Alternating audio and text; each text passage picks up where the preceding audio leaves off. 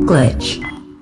Hey Renier, wat vond je het leukste eh, waar we het eh, eh, over gehad hebben in deze aflevering? Nou, we hebben best wel veel fuck-ups voorbij laten komen van dingen die gewoon niet goed zijn. Dat vond ik leuk, zoals Rabo-app of zo. En nieuwmarktrellen. Oh, is voor de eerste dat ik over nieuwmarktrellen heb gehoord. Geen idee wat het is. En eh, hoe Tom Tom Tom Tom is geworden. Ook een interessant verhaal.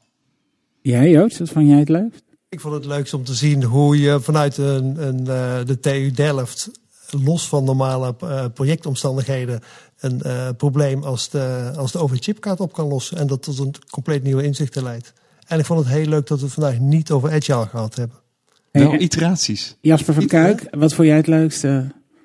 Eh, ik, ik vond het eh, het leukste om met, met een paar mensen die net zo gek zijn van ontwerpen als ik, gewoon eh, een hardcore nerd talk te kunnen doen. En dat je als je een half woord noemt, dat mensen al beginnen te lachen. Dat is, dat is zeer, zeer prettig. Ik vond het echt ontzettend fijn dat je helemaal losging op een aantal onderwerpen en dat we het overal over hebben kunnen hebben.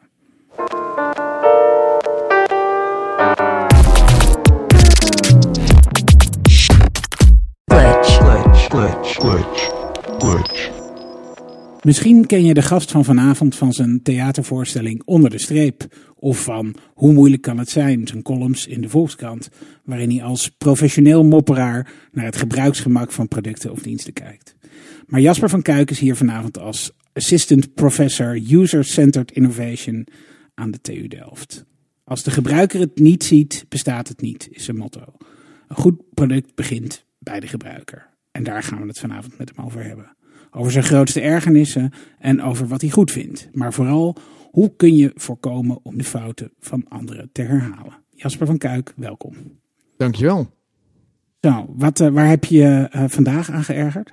Ja, de, de intercom in de trein hierheen, die, eh, die deed het de helft van de tijd niet. En dan viel hij echt de hele tijd zo'n beetje uit. Waardoor de dames en heren bij de volgende halte niet uitstappen. Lelystad. Nou ja, je werd Ja. knettergek. Maar dat is gewoon iets wat stuk is. Was niet echt een ontwerpfout. Dus daar, daar kan ik dan nog mee leven. Je had wel een fout in de intro.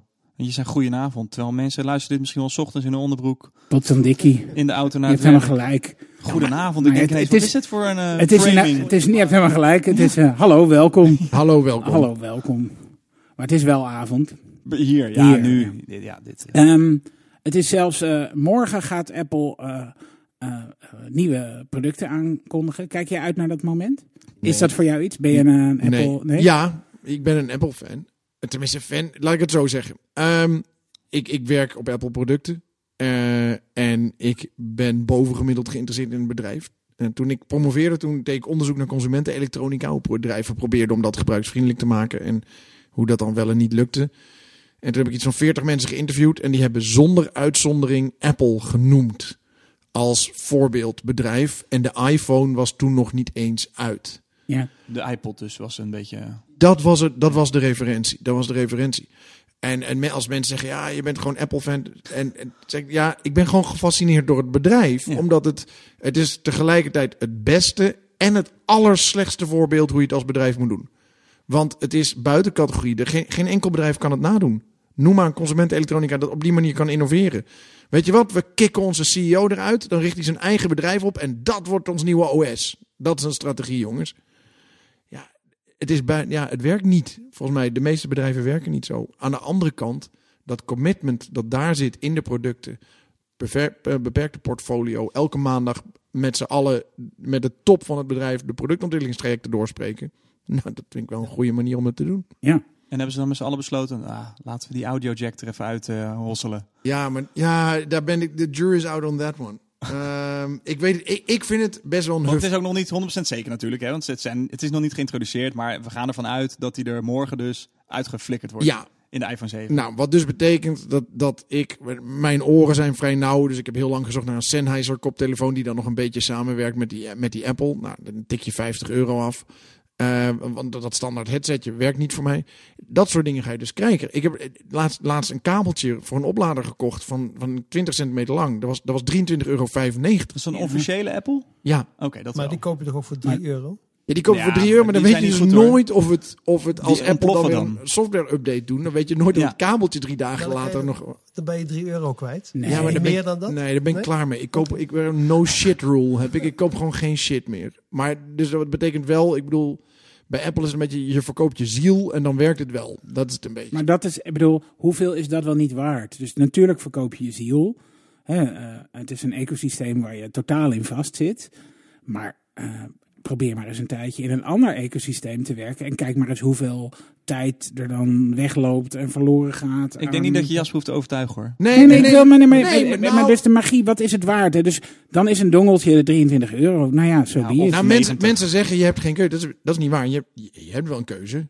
Eh, eh, kies maar een ander merk. Ja. Dat is de keuze. Ja. Ehm, maar ik vraag me wel af. met- eh, Ik moet even afwachten wat, wat die audio jack. eh, wat, er in de plaats van gaat komen. Want we zien nu alleen het Ja. nadeel. En misschien staan er straks echt wel voordelen tegenover. Misschien ben je straks heel erg blij. Valt, valt de prijs mee? Dat lijkt me niet. Ehm, dus, en misschien is dit weer zo'n ding waar Apple heeft altijd wel voorgelopen. Weet je, dat de, dat de floppy drive, disk drive uit de iMac verdween. Ja. Toen zat ook iedereen, what the... f-" Ik heb laatst een, ik heb een tijdje een Bluetooth eh, koptelefoon gehad. Het- Het is weer een ding dat je moet opladen. Ja, dat is het, hè? Dat is wel weer een ding dat ik moet, dat mijn oplaadmanagement mee moet gaan nemen. Weet je wel, dan heeft mijn stofzuiger eindelijk geen zakken meer. En dan moet ik mijn koptelefoon gaan opladen. Ja. Ja. op een gegeven moment is het klaar. Nou, dat, als je ziet, eh, eh, als je op, op vakantie gaat en je wil wat dingen meenemen, wat je dan een extra tas mee moet nemen aan opladers en aan verloopstekkers en aan dingen, dat moet je helemaal plannen en uitrekenen. Ik bedoel, ik, eh, eh, eh, misschien presenteren ze morgen ook wel een oplossing voor dat probleem. Ja. Of gaan Ja, ze dus, mee in het draadloos opla- opladen van de andere, veel Ja, andere telefoons? telefoon. Uiteindelijk is natuurlijk ook dat hele dat kabeltje wat je, wat Maar je nodig hebt om telefoon op te laden natuurlijk eh, zwaar verouderd. Ja, die, die, die hoe heet het? Xi, Xi, QI. Dat, die, die draadloze oplaadstandaard. Ja, ja. Er zijn al een aantal zijn er, maar Ikea heeft al meubels ermee uitgerust. Ja. Dat, wordt wel, ik- dat is wel een interessant ding. Ik, ik snap die handeling wel. Dat je hem gewoon ru- rustig op een plekje neer kan gooien. Wasplekje, ja. Dat wel. Ja. Maar, maar, maar een mooi, mooi dingetje kun je er ook nog van maken. Eh, ik weet niet hoeveel ruimte het inneemt. Want Apple zit heel erg op dat dunner Ja. maken. Maar ik, ja, dat ding is, maar ik kan mijn iPhone 6 eigenlijk al niet fatsoenlijk vasthouden zonder hoesje. Dus nee. ja, hoeveel dunner moet hij nog? Ja, erg hè? En ook, want het ding is zo mooi en zo glad afgewerkt dat hij, hij was eigenlijk net te, te, te breed om vast te pakken. Tenminste, dat vond ik. Ja. Eh, ik heb mijn eerste iPhone 6. eh, ik moet zeggen, er was ook wat alcohol in het spel. Maar die heb ik toch eh, in de eerste week laten vallen. Omdat hij uit mijn handen gleed zonder hoesje. Ja. Ja, best wel sneu. Maar toch daar is. Apple niet de enige in natuurlijk. De- Al die apparaten worden steeds dunner. Het is, dat staat heel goed in de, eh, in de aankondiging. We zijn nog dunner, maar er heel praktisch is het niet Dat is meer. toch tijdelijk? Het lijkt me, ik kan me nog herinneren dat voor de iPhone op een gegeven moment de, de, de race was naar de allerkleinste mobiele telefoon. Ja. Dat een collega had, die had het ding, was zo klein, dat kon je nauwelijks meer mee bellen. En die, bij eerst de beste keer dat hij op tafel viel, viel hij uit elkaar en moest hij met halve plakband eh, eh, een beetje tussen zijn oren en zijn mond proberen te bellen. Volgens mij, dat was in één keer over toen die iPhone kwam. Dat was ineens wel een, een, ja, een koelkast van een ding. Ja, maar ik had wel eh, de Nokia die ik toen had. Die ging gewoon, eh hoefde ik eens in de week op te laden. Nee, maar Je er je, niks je, mee, hè? nee, je deed nee, er nee, niks ja, mee. ik belde ermee Ja. en ik sms'te ermee. Als jij wel. belt een sms, dan heb je eh, met je iPhone, kan je volgens mij ook heel lang meedoen. Nee, maar- het maar- wifi uit. Ja, nee, maar, maar eh, het gaat er niet Ja. om. eh, Ik denk dat niemand zit te wachten op een eh, eh, dunnere iPhone. Maar dat je heel veel mensen hartstikke gelukkig zou maken met een iPhone die langer dan een dag eh, ja. eh, meegaat. Powerbank hoesje.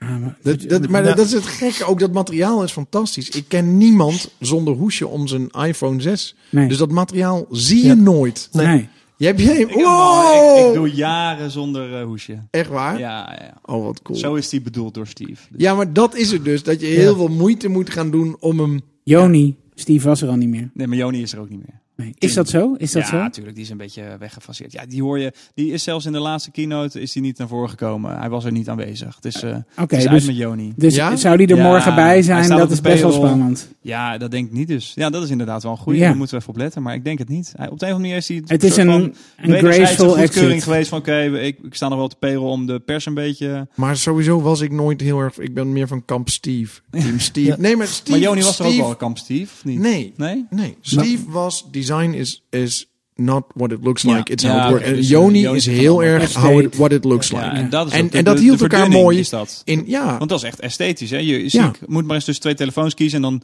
de dunnere is mooier. Ja. Dat is gewoon een soort gevoel wat je erbij hebt. Een survival of the fittest. Van deze is dunner, die kan blijkbaar evenveel als die dikke, dus is die beter of zo. Maar, ik vind dat hij, dat hij Steve Jobs heel goed aanvulde. Eh, de Ja, de zo. iMac die hij, die, waar hij mee aan het spelen was. En Steve Jobs is dan degene die zegt... Ja, Ja. die gaan Ja. we doen. Ja. Maar eh, Tim doet dat niet. Joni was wel eh, degene die zei, eh, zegt dat iOS met eh, al die biljartlakens en referenties, dat skeuomorphic design, dat moet maar eens afgelopen zijn. We zijn toe aan een nieuwe taal.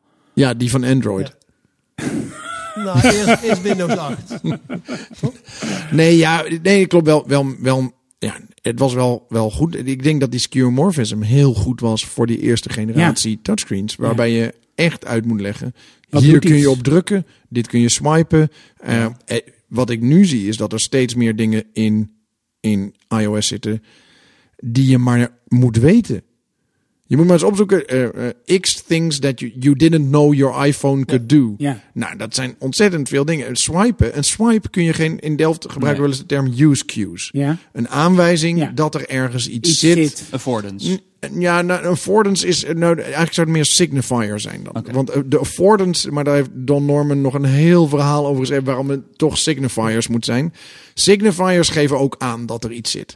Swipes kun je niet. Ja, tenzij je echt iets laat gebeuren aan de zijkant in het scherm. Ja. En het wordt. is deep touch.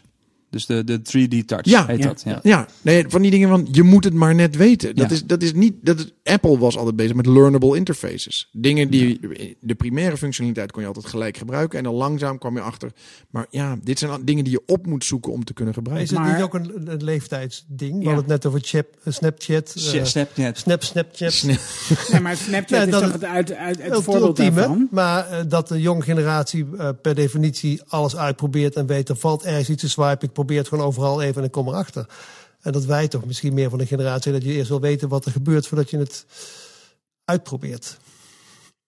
Ja, ik Nou, altijd nee, wel... eh, Zo risicomijdend schat ik mezelf dan ook wel in dat ik dat nog niet ben. Maar ik vind het gewoon wel. Ik vind het altijd fijn als een product eh, eh, eh, zich uit. Ik, ik ga niet op de gok overal zitten, zitten dit en zitten dat. dat, dat ik Maar dat, maar ik dat, is, maar dat, is, dat, is, Zoek dat een komt omdat wij allemaal eh, van de generatie zijn waarbij we nog een, zou ik maar zeggen, computerloos tijdperk hebben meegemaakt. Misschien had je in huis een Commodore 64 of zo.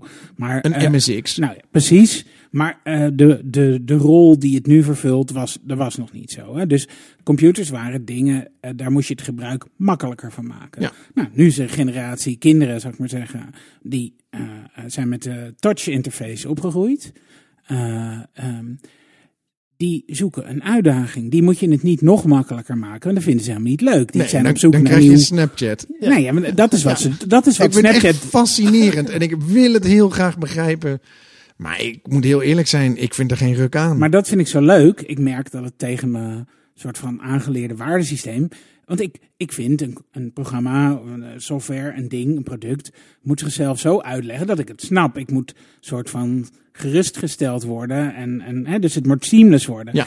En dat vind ik eigenlijk super leuk van Snapchat. En, ik- en, en oké, ik zit aan de andere kant van de divide, maar prima. Gebruik jij het nog? Nee, echt niet. Want je hebt het even met mij gebruikt, maar je had dus niet zoveel vrienden ook in Snapchat. Nee, ik heb überhaupt niet zoveel Nee, je, vrienden. je had nog niet ontdekt waar je kunt zien of je vrienden hebt in Snapchat. ja, ja, dat kan Kun je dat wel. zien? ja. Ja, tuurlijk. Ja.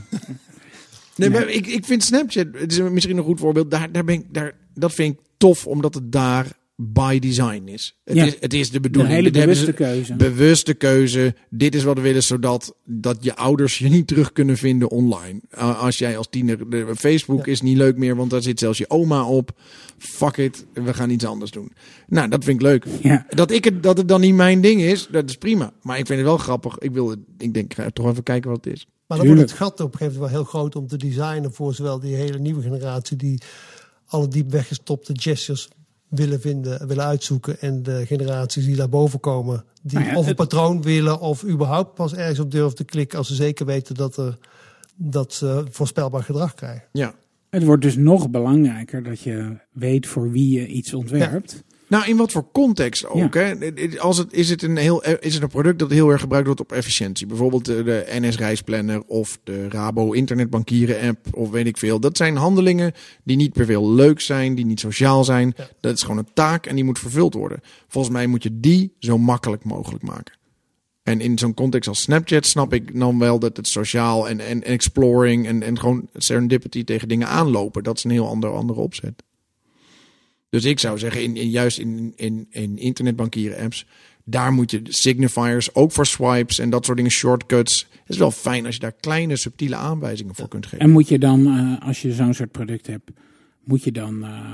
hè, want je, er is natuurlijk eh, een toolbox van hier tot Tokio om te bedenken wat die, wat die wereld van die gebruiker is. Moet je dan eh, kijken naar wat voor persoon het is? Of moet je veel meer kijken naar het type handeling dat hij op dat moment eh, uitvoert? als het een product is voor, voor eh, waar bijvoorbeeld de, de, de, de, kerndingen van usability, dus efficiëntie en effectiviteit, bereik ik mijn doel en tegen welke kosten, hoeveel energie moet ik investeren, dan, dan is eigenlijk gedrag belangrijker dan in ieder geval dan demografie. Wij delen heel vaak, maken we motivational persona's. Ja. Dus niet zeggen hij is zo oud, maar hij gebruikt het product of zij om deze reden. Ehm, Job to be done. ja, Ja. dit moet Ja. er gebeuren. Of, of, of job to be done. Of hij heeft dit doel. Weet je wel? Gewoon, het kan, soms is het muziek draaien op deze manier. En ik vind voor, voor interfaceontwerpen, voor product, waarbij die, die taken behalen of een bepaalde sequentie, is dat een hele goede manier om te doen. En daaronder kun je dan weer persona's hangen, de, de meer rijkere persona's. Oh, wat, wat, hoe ziet de kamer eruit? En hoe doe je dat dan? Hoe doe je dat? Hoe- want er zijn ook heel veel mensen in deze podcast die niet precies eh, weten hoe je dat dan doet. Kun je eens uitleggen hoe je dat dan onderzoekt? Ehm, ik denk een goed voorbeeld. We hebben een project naar de OV-chipkaart. Eh, we noemen dat inmiddels in de sector meer OV betalen. Want het, wordt, wordt niet alleen de kaart, maar er komt waarschijnlijk ook een bankpas aan. Die wordt geïntegreerd, de mobiele telefoon. Ehm, je, je hebt nog steeds de, de, de kaartjes die je uit de automaat kunt trekken. Dus het is OV betalen. Ehm, gaan we bijvoorbeeld eerst observeren in het veld. Gewoon een, een dag op een station zitten, kijken wat er gebeurt. Ehm een afstudeerder van mij die, die ontwerpt een nieuwe poortrij. Dus nieuwe poorten voor de OV-chipkaart. Nou, is gewoon gaan zitten. Kijken, wat zie ik gebeuren? Oh, verrek, ik zie mensen van, van poort naar poort lopen... omdat ze niet zien welke er Ja. aanstaat en welke niet. Oh, ik zie buitenlandse toeristen de, de kaart overal houden... behalve bij de validator, bij, bij de sensor. Ja, mensen... En, bij degene waar... De, die herkennen dat logo niet, dus die snappen niet waar je... Ja, ja. Nee, en het schermpje geeft licht, dus daar trek je naartoe. En dan aan die, die groene pijl aan de voorkant dan. Weet, dus die dacht, hé hey, verrek, de, de, de sensor waar je de kaart op moet houden, valt niet op. Nou, de volgende, dat wat Dat is eerst... een tweede versie verbeterd. Want het nu, eh hier Ja. op Centraal Station, is het schermpje de sensor geworden. Ja, maar dat is omdat er een, een, een barcode lezer Oh, in ja. zit. Dus ik weet niet of ja. het ook expres is verli- verlicht was geweest als, als dat niet was geweest. Want die, die barcode moet worden aangelicht. Eh, maar, dus, dus eerst gingen we observeren in Nederland, interviews doen met mensen. Daarna is hij naar Tokio en Londen en Hongkong geweest. Eh, om te kijken hoe die, hoe die gates daar werken. En dan ga je daar staan kijken en dan zie je ineens andere dingen. Zie je bijvoorbeeld dat in Londen en Tokio eh, zo'n validator, die sensor wel... eh, Die heeft een lampje die aangeeft, je kunt je kaart er alweer bij houden. Want dat betekent dat het tempo van doorvoer veel groter is. Ja. Want in Nederland kun je gewoon, zodra iemand voor je uit is, kun je gewoon door. Maar Ja. je ziet op stations mensen wachten. Ja. Ja. Omdat het apparaat Ja. niet aangeeft, ja. U en dat kunt. verwacht je misschien ook van andere dingen die je hebt gedaan. eh oude, oude apparaten die je gebruikt misschien. Dat je altijd even... Zo'n computer moet altijd even nadenken. Dat idee. Ja, dat kan. Geeft Dat kan, maar deze, geeft, ni- deze ja. geeft niks aan. De, de, de, de feedback die die geeft, op een gegeven moment gaat het schermpje weer op neutraal en gaat het Ja. deurtje weer dicht. En, en je ziet echt mensen staan die wachten tot dat moment. Want Oh. dat is het enige signaal dat er Dat, is. Ja. dat vond ik in Tokio zo ontzettend goed.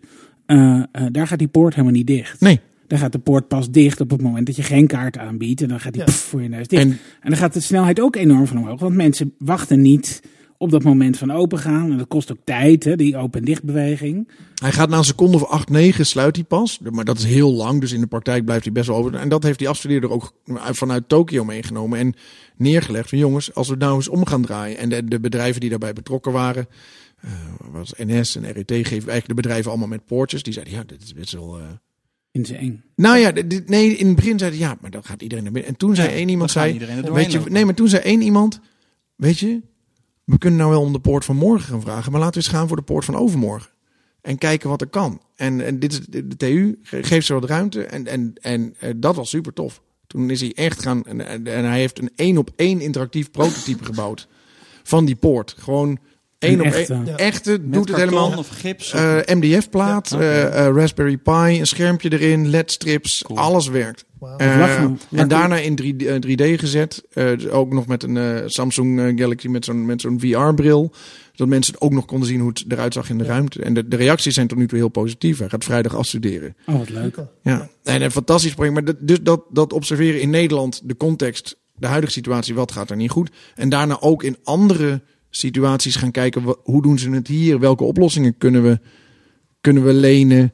Eh, welke dingen kunnen we anders doen? En, en wat gaat er ook niet werken bij ons? Want wij- denken ook dat ja, zo'n poort die altijd open is, dat is best wel een cultuurverandering. Ja, maar het is toch een, eh, eh, eigenlijk een hele simpele gedachte. Waarom zou die poort überhaupt dicht moeten zijn? ja, in de trein word je toch wel gecontroleerd. Nou ja, om, volgens mij de manier van denken. Je moet iets afsluiten en pas als je je toegang pas laat zien, gaat de boel open. Volgens mij Ja. is het ook een, een vrij negatieve benadering Ja. van de reiziger. Dat volgens mij ook met de heel veel regelingen die er zijn. Eh, je, we pakken eerst geld af en als dan kan bewijzen dat het goed gaat, dan geven we het wel weer terug. Ja, dat heeft weer te maken met het feit dat in Nederland... We hebben het systeem uit Hongkong eh in Nederland gekopieerd. Mensen zeggen wel eens, waarom hebben jullie niet uit Hongkong gekopieerd? Want daar werkt het heel goed. Dan zeg ik altijd, nou ja, wij hebben het systeem uit Hongkong. Exact die back-office. Daar, daar is heel veel software overheen gegaan. Dus inmiddels is het niet de originele code niet overal meer te vinden. Het probleem is dat Hongkong totaal anders is dan Nederland. Ja, Hongkong had altijd al gesloten poortjes. Ja. Dus die mensen waren daaraan gewend. Het was niks nieuws. De stations zijn gebouwd op poortjes. Je hebt één vervoerder. Ehm, en, en doordat er poortjes zijn, kun je ook niet vergeten om uit te checken. Ja. Nou, dat zijn allemaal dingen die, die eigenlijk niet zijn meegenomen in dat vertalen van, van daar naar hier. Maar het zijn best wel open deuren. Volgens mij het, het niet vinden van de plek waar je eh, je, je pas moet houden. Nou, lijkt mij eh, een hele simpele Ja. eh, failure die je hebt in design. Hoe verklaar je dat in zo'n proces wel miljoenen en miljoenen wordt uitgegeven dit soort poortjes en systemen, dat dit toch op een of andere manier tussen wal en schip raakt? Ik denk dat het te maken heeft met het feit dat de openbaar vervoerssector eh, pas aan het digitaliseren is. Dus dat is echt een nieuw, nieuw proces eh, voor ze. Ik bedoel, toen ze dat gingen invoeren, ja, je had een website en dat, dat was het, weet je. Eh, als je ziet hoe snel met bank is gegaan de afgelopen drie, vier jaar, dat is best wel indrukwekkend. Eh, openbaar vervoerssector gaat, gaat iets langzaam, is wel die transitie aan het maken. Ehm, maar het systeem is eigenlijk meer bij elkaar vergaderd dan ontworpen. ja, maar heeft dat niet ook iets te maken met eh, de cultuur? Eh, het is openbaar vervoer, het zijn vaak overheden. Dat, dat, dat gaat meer over... eh, Het zijn helemaal geen overheden. Het, het, het wordt nee, maar het wordt gestuurd door regelgeving. Nee, hoor. Nee, OV-chipkaart is een, een systeem dat is bedacht door de vervoerders. Eh, dat is geïmplementeerd door de vervoerders. Oh, en, is ontworpen. Dat, de overheid krijgt hier de schuld van. Over, de, de vervoerders hebben gevraagd aan de overheid: wij willen dit invoeren, vinden jullie dat goed? En toen heeft de overheid een aantal randvoorwaarden gesteld.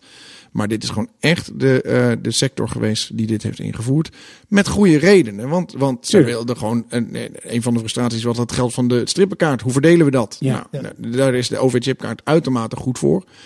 Ehm, alleen aan de voorkant voor reizigers, waar je ziet dat de Oystercard is ingevoerd met 10% korting in Londen. Nou, dan verleid je mensen echt zo'n nieuw systeem in.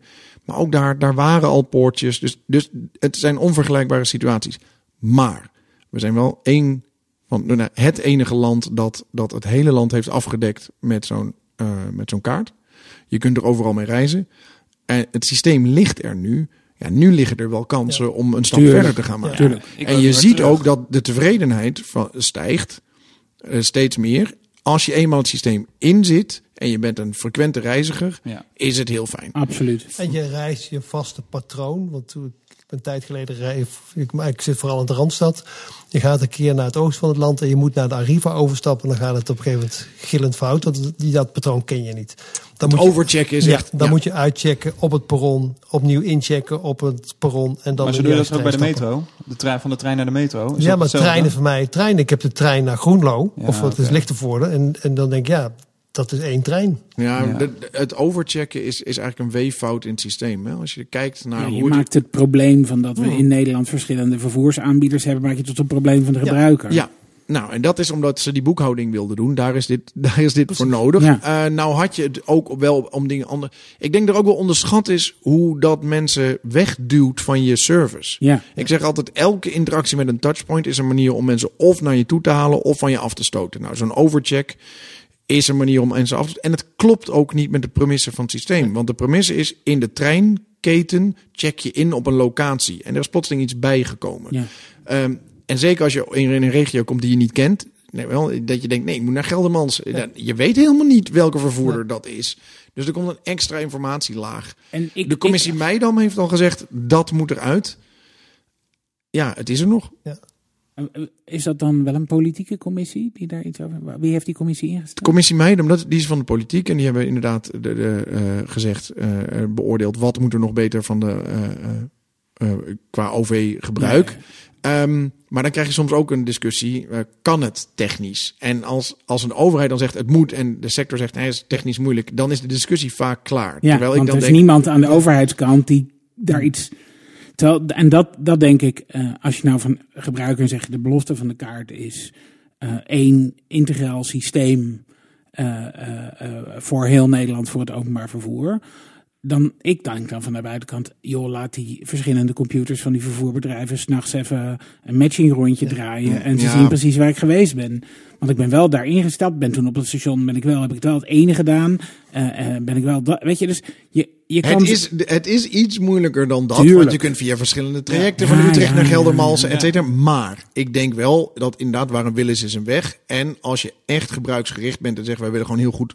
Dan neem je bijvoorbeeld een klein risico en dan filter je het af met enquêtes. En, en je spreekt dat met elkaar af. Ja. Moet je wel realiseren dat in de openbaar vervoersector de, de marges uitermate dun zijn. Zeker Nee, in de aanbesteden lijnen. Het proces omkeren, dus ik heb een, eh, zeg maar mijn e-mailadres eh, gekoppeld. Eh, u bent in de bus wel ingecheckt, maar niet uitgecheckt. Ik kan gewoon de volgende ochtend een e-mail hebben en die kan zeggen: Wilt u nog even aangeven waar u uitgestapt bent? Ja. Nou, NS is daar dus nu mee bezig. NS Extra. Oh ja? Ja, ja dat, is, dat is je mailt je aan. En dan moeten ze wel toegang hebben tot je gegevens.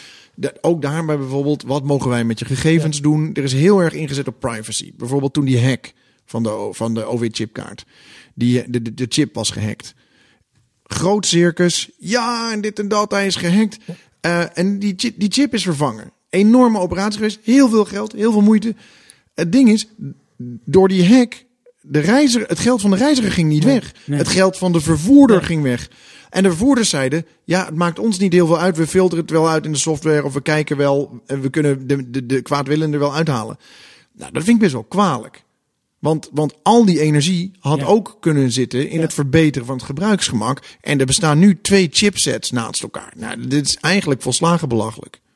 Die hele hack had ze gewoon moeten zeggen, joh, ja, geen reiziger die eronder lijdt. Laat Nee. lekker zitten. Ja, precies. Ja. Maar ja, dat, dat heb je als je in de politieke die openbaar vervoer is van iedereen. En, en je vroeg net, wat, wat is nou ja. politiek? Ik vind wel dat, dat bijvoorbeeld de staatssecretaris of de minister... En er blijft per jaar, eh, was het? volgens mij was het 16 miljoen euro aan vergeten uitchecks liggen. Dat is best 16, wel- Dat is best wel, dat is een... Ja. euro per persoon. nou, en nou zou je moeten vragen. Het is 1, à- 1 tussen de 1 en 2 procent van het aantal reizen dat gemaakt wordt. Eh, maar dan moet je ook nog kijken, is, hoe is de verdeling over de reizigers? Er zijn Eh, natuurlijk veel, hè, 80% van de reizigers, of 20% van de reizigers maakt waarschijnlijk 80% van de reizen. Weet, weet ik niet hoe die, hoe die verdeling is. Maar dat betekent dus dat best wel mensen die af en toe reizen zijn dan weer... Zou kunnen dat die Ja. een fout Ja. maken. Die hebben geen routines. Ik vind dat al dat geld terug moet naar verbetering van het systeem. Ja, Daar gaat het niet. Ja. En dat zijn dingen waar de minister gewoon af Keihard. en toe Stop het om, het de half jaar, om het half jaar bij die vervoerders moet gaan zitten en zeggen: Nou, vertel het maar. Wat hebben jullie met mijn 8 miljoen euro eh, gedaan in het afgelopen half jaar om het probleem op te lossen? Wat er nu wordt gedaan, is dat die 16 miljoen euro gaat wel terug naar de reiziger. Dat is sympathiek. Tuurlijk. Maar via allerlei publieksacties en dingen. En dat lost het probleem niet op. nee. En dat, ja, Dat is heel goed, ja. Dat vind ik een heel mooi principe. Gebruik een soort van de, de, de als je er een voordeel aan de, aan, de, aan de vergissingen of aan de fouten van het systeem hebt, gebruik dat voordeel dan aan het oplossen van, Van het het pro- systeem. het probleem Ja. Moet er eruit. Misschien zelfs gewoon een percentage op. Een soort boete om het. Ja, ja. nee, maar op zich vind ik het. dat je krijgt gewoon een verkeerde stimulans. Je wordt ergens. In het verleden was het volgens mij nog hoger en werd, werd, konden ze dat houden. Dan krijg je gewoon een beloning voor het, een slecht werkend systeem. En Ja. nou, nu word je het gedwongen uitsmeren. Nou, nog steeds geen enkele impuls voor de vervoerders om dit echt aan te pakken. Ja. Het- Ik denk dat het wel echt onderschat is. Ik, ik vraag me wel eens af of je had kunnen weten dat een open systeem, wat we hebben een semi-open systeem met palen en niet overal poortjes, dat dat tot zulke problemen zou gaan leiden. En ik ik denk dat als je daar van tevoren Ja. echt naar had gekeken, dat je dat wel had kunnen voorspellen. Heb je, heb je dat ook onderzocht? Heb je gekeken hoe, eh, hoe dat voortraject tot stand is eh, gekomen? Nee, niet, dat is niet een onderzoeksvraag geweest. We hebben wel verhalen eh, eh, eh, gehoord ja, in de interviews die we deden. Ehm, en het, liep al twintig hoe- jaar. Weet hè? je nou, ja, ja, ja, Het liep al twintig jaar waren ze bezig met digitale systemen. En, en het liep niet, want iedereen eiste wat anders. En die vervoerder wilde dit en die wilde dat. En op een gegeven moment hebben ze een knoop door. Weet je wat? We gaan gewoon iets doen. In Hongkong werkt het. Fuck it. Gooi het erin. Vind ik ook heel goed, Ja. hè? En daarom is het er nu wel. Ja. En ik denk dat als je dit blijft verbeteren. En dat er, dat er echt kansen liggen. Maar dan, dat, daar is een bepaalde houding. Daarom zijn we die projecten met, het, met, met bij mij, mijn onderzoeksgroepje naar de OV-chipkaart. Zijn we gewoon projecten aan het doen om samen met de sector, echt samen, dat soort projecten op te Ja. zetten. Zo'n nieuwe poort. En we hebben gekeken naar eh, internationale reizigers die aankomen op Schiphol. Die af en toe uit, uit wanhoop maar een huurauto nemen, omdat ze het ook niet snel Serieus? Ja. Serieus, mensen gaan op de TV die aankwamen twee Duitsers. Die Ja, nee, die OV-chipkaart, daar hebben we zulke verschrikkelijke verhalen over Nee, gehoord. een huurauto is fijn Ja. als je naar Amsterdam moet. Nee, ja. ja, nee, goed. Maar Daar Nee, kom je dan pas achter. Nee, maar een huur niet in als ze moesten naar Delft. Dus Ah, ja, dan nee, prima. naar Delft, dan is dat prima. Goed te maar, doen, ja. maar mensen vermijden het dus. Dat is geen warm welcome to the Netherlands, Nee. weet je wel. Ehm, dat soort dingen, er had meer proactief... En om jouw vraag te beantwoorden over, had er niet meer ontworpen? Er had veel meer ontworpen moeten worden. Echt veel meer. En want dan was die... wa- Niet alle problemen waren te vermijden geweest, maar een heel groot gedeelte wel. En, dat is, en, ik hoor ook als mensen zeggen, ja, mensen houden niet van verandering. En dan zeg ik, ja, maar als je dat al weet, kun je er rekening Ja, mee houden? dan moet Ja, je het systeem dus nog beter maken. ja. Maar dan, in plaats daarvan zeggen ze, ja, ze zeiken toch wel. Nee. En, en ook de fouten mee ontwerpen. Ont, ontwerp ook de vergissingen van mensen. Dat is natuurlijk wat ze vergeten Ja. zijn. Ze hebben het, de ideale flow bedacht. Als iedereen goed incheckt, dan werkt het perfect. Maar geen rekening houden met een percentage. In het, vooral in het begin, maar een aantal zijn hardnekkig. Ja. Dat je gewoon fouten maakt. En hoe handel je dat af? En hoe vloeiend gaat dat? En hoeveel energie steken we erin? Maar hoe doe je dat dan? Want ik bedoel, eh, een, eh, je, je bent op zoek naar eh, een systeem wat heel Nederland dekt. En eh, dat is, nou, dus je hebt een, je hebt een grote visie op wat je wil bereiken. Ehm, hoe kun je, en, en, en eh, je moet ook lange lead times, want weet ik veel wat, als je die poortjes wil bestellen, gaat jaren. Het is allemaal een lang project. Hoe doe je het dan wel? Hoe kun je, dat in, hoe kun je zoiets groots en zoiets infrastructureels dan in stapjes aanvliegen? Nou, wat ik, wat ik ja, überhaupt eh, hadden ze moeten gaan kijken in Hongkong en dingen in zijn context plaatsen. Weet je, wat, wat is er anders aan Hongkong dan bij ons? Eén vervoerder in plaats, wij hebben er twaalf en et cetera. Ja. Ehm, voor de goede orde, toen het systeem ontworpen is, eh, service design is nu een soort geaccepteerde discipline. Was het toen niet? Weet je, we waren net bezig met interactie ontwerpen op touchpoint niveau. Eh, wat ik, hoe je het nu zou doen, is zo'n service design maken. Ja, maar dat vind ik ook een beetje, dat vind ik ook een beetje onzin. Want eh 50 jaar geleden bij de bouw van het nieuwe Schiphol gingen de drie ontwerpers al eh, een maand eh, op studiereis in Amerika om allemaal airports te bekijken. Het is ook, heb je de wil om dat te doen? Weet je wel? Dat, en Ja. dat, is, dat, is het, dat is het ook. Maar eh, die wil komt ook vaak samen met snappen hoe belangrijk het kan zijn bij dit soort systemen. Ja. En eh, Ja, dat het niet alleen technisch is. Dat het niet alleen technisch is. Een ICT-project geweest. ja, het is een ICT ICT-project geweest.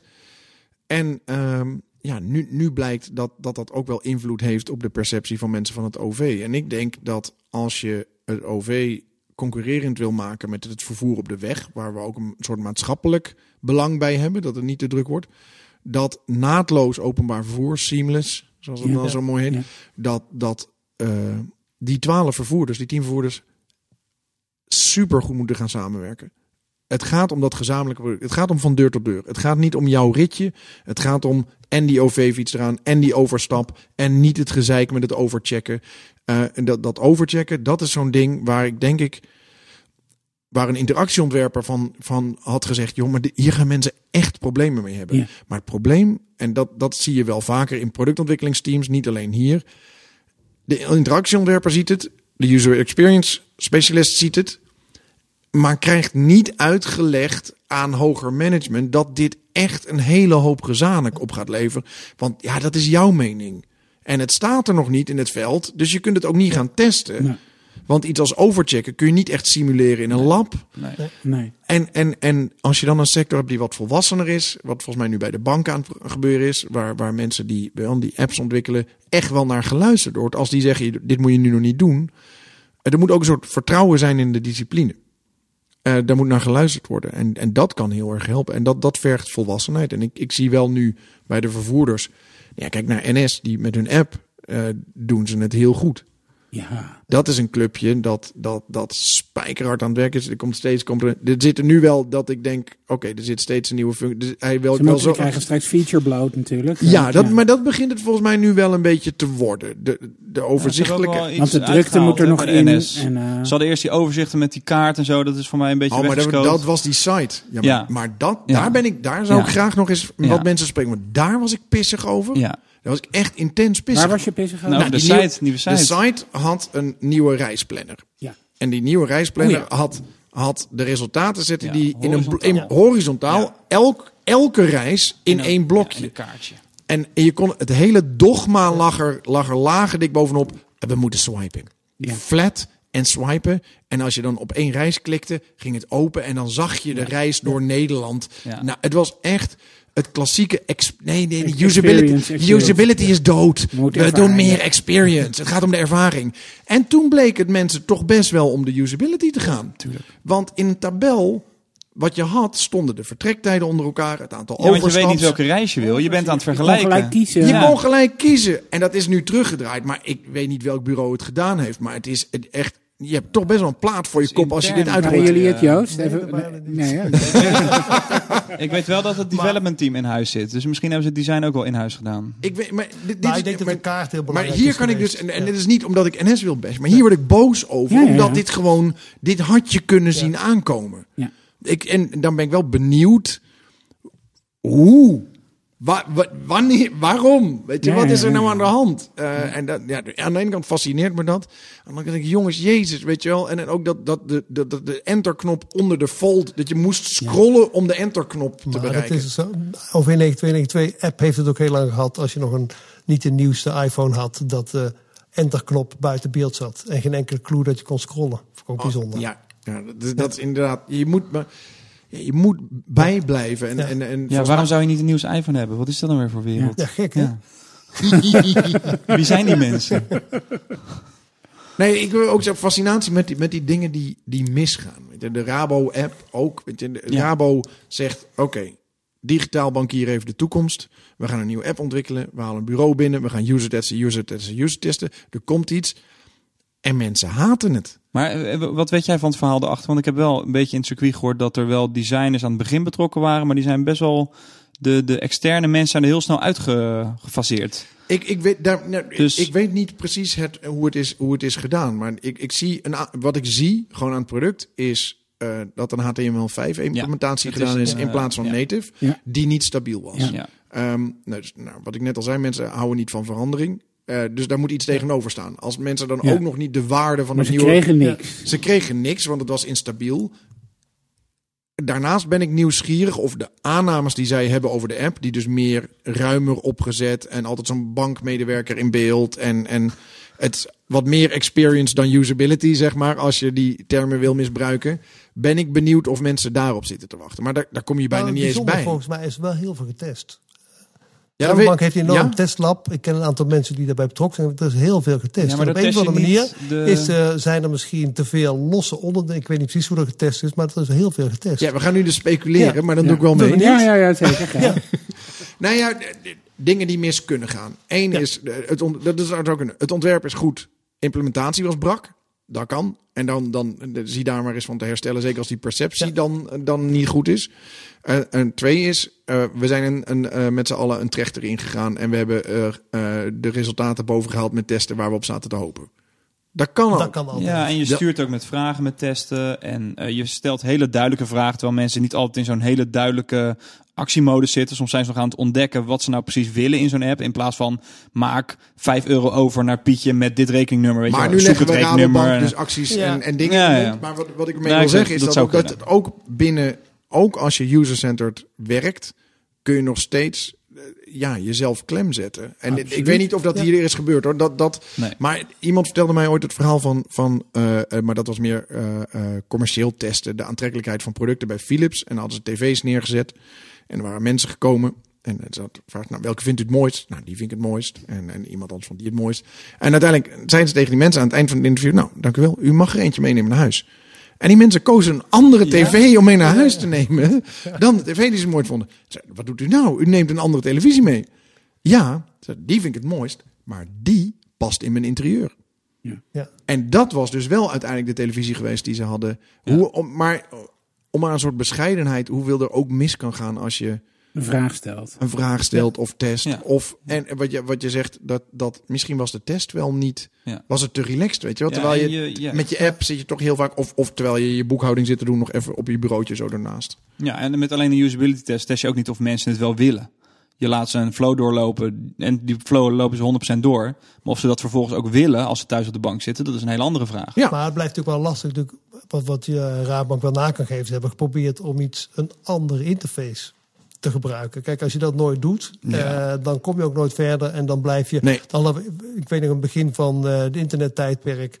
moest iedereen zich aan de standaarden houden die ooit bedacht waren. En alles wat je anders deed, dat ging ook mis in gebruiksonderzoek. Want elk patroon wat je verandert, heeft gewoon weerstand. Ja. En dat kost wat tijd. Snapchat kost waarschijnlijk wat meer tijd. Maar op een gegeven moment kom je daarin en dan heb je een nieuwe standaard. Maar daarom is het misschien wel zo kwalijk dat die implementatie zo brak was. Ja. Ja. Want dan De keuze voor en, HTML5 en dan komt en volgens mij de hele sfeer. Het is brak en iedereen kraakt de hele app af. Ik heb een collega die, eh, die gebruikt de app en zegt... ja, ik snap niet waar iedereen het over heeft. Werkt prima, is net als de andere Ja. apps. Nee, ja. daarom zeg ik, je, je, komt er niet, je komt er niet meer bij of, om de, of niet zo snel achter. Maar dat gaan we de komende tijd zien. Wat ik, wat ik interessanter aan vind, is dat ze hebben gezegd... weet je, een heleboel mensen hebben helemaal geen contact meer met de bank in dat gebouw. Nee, het is alleen En app. dat moeten we ook echt vertalen naar de app. ING doet het vooral in diensten, maar Rabobank heeft het ook persoonlijker willen maken en contact. Eh, en dat, dat vind ik wel een hele interessante eh, keuze.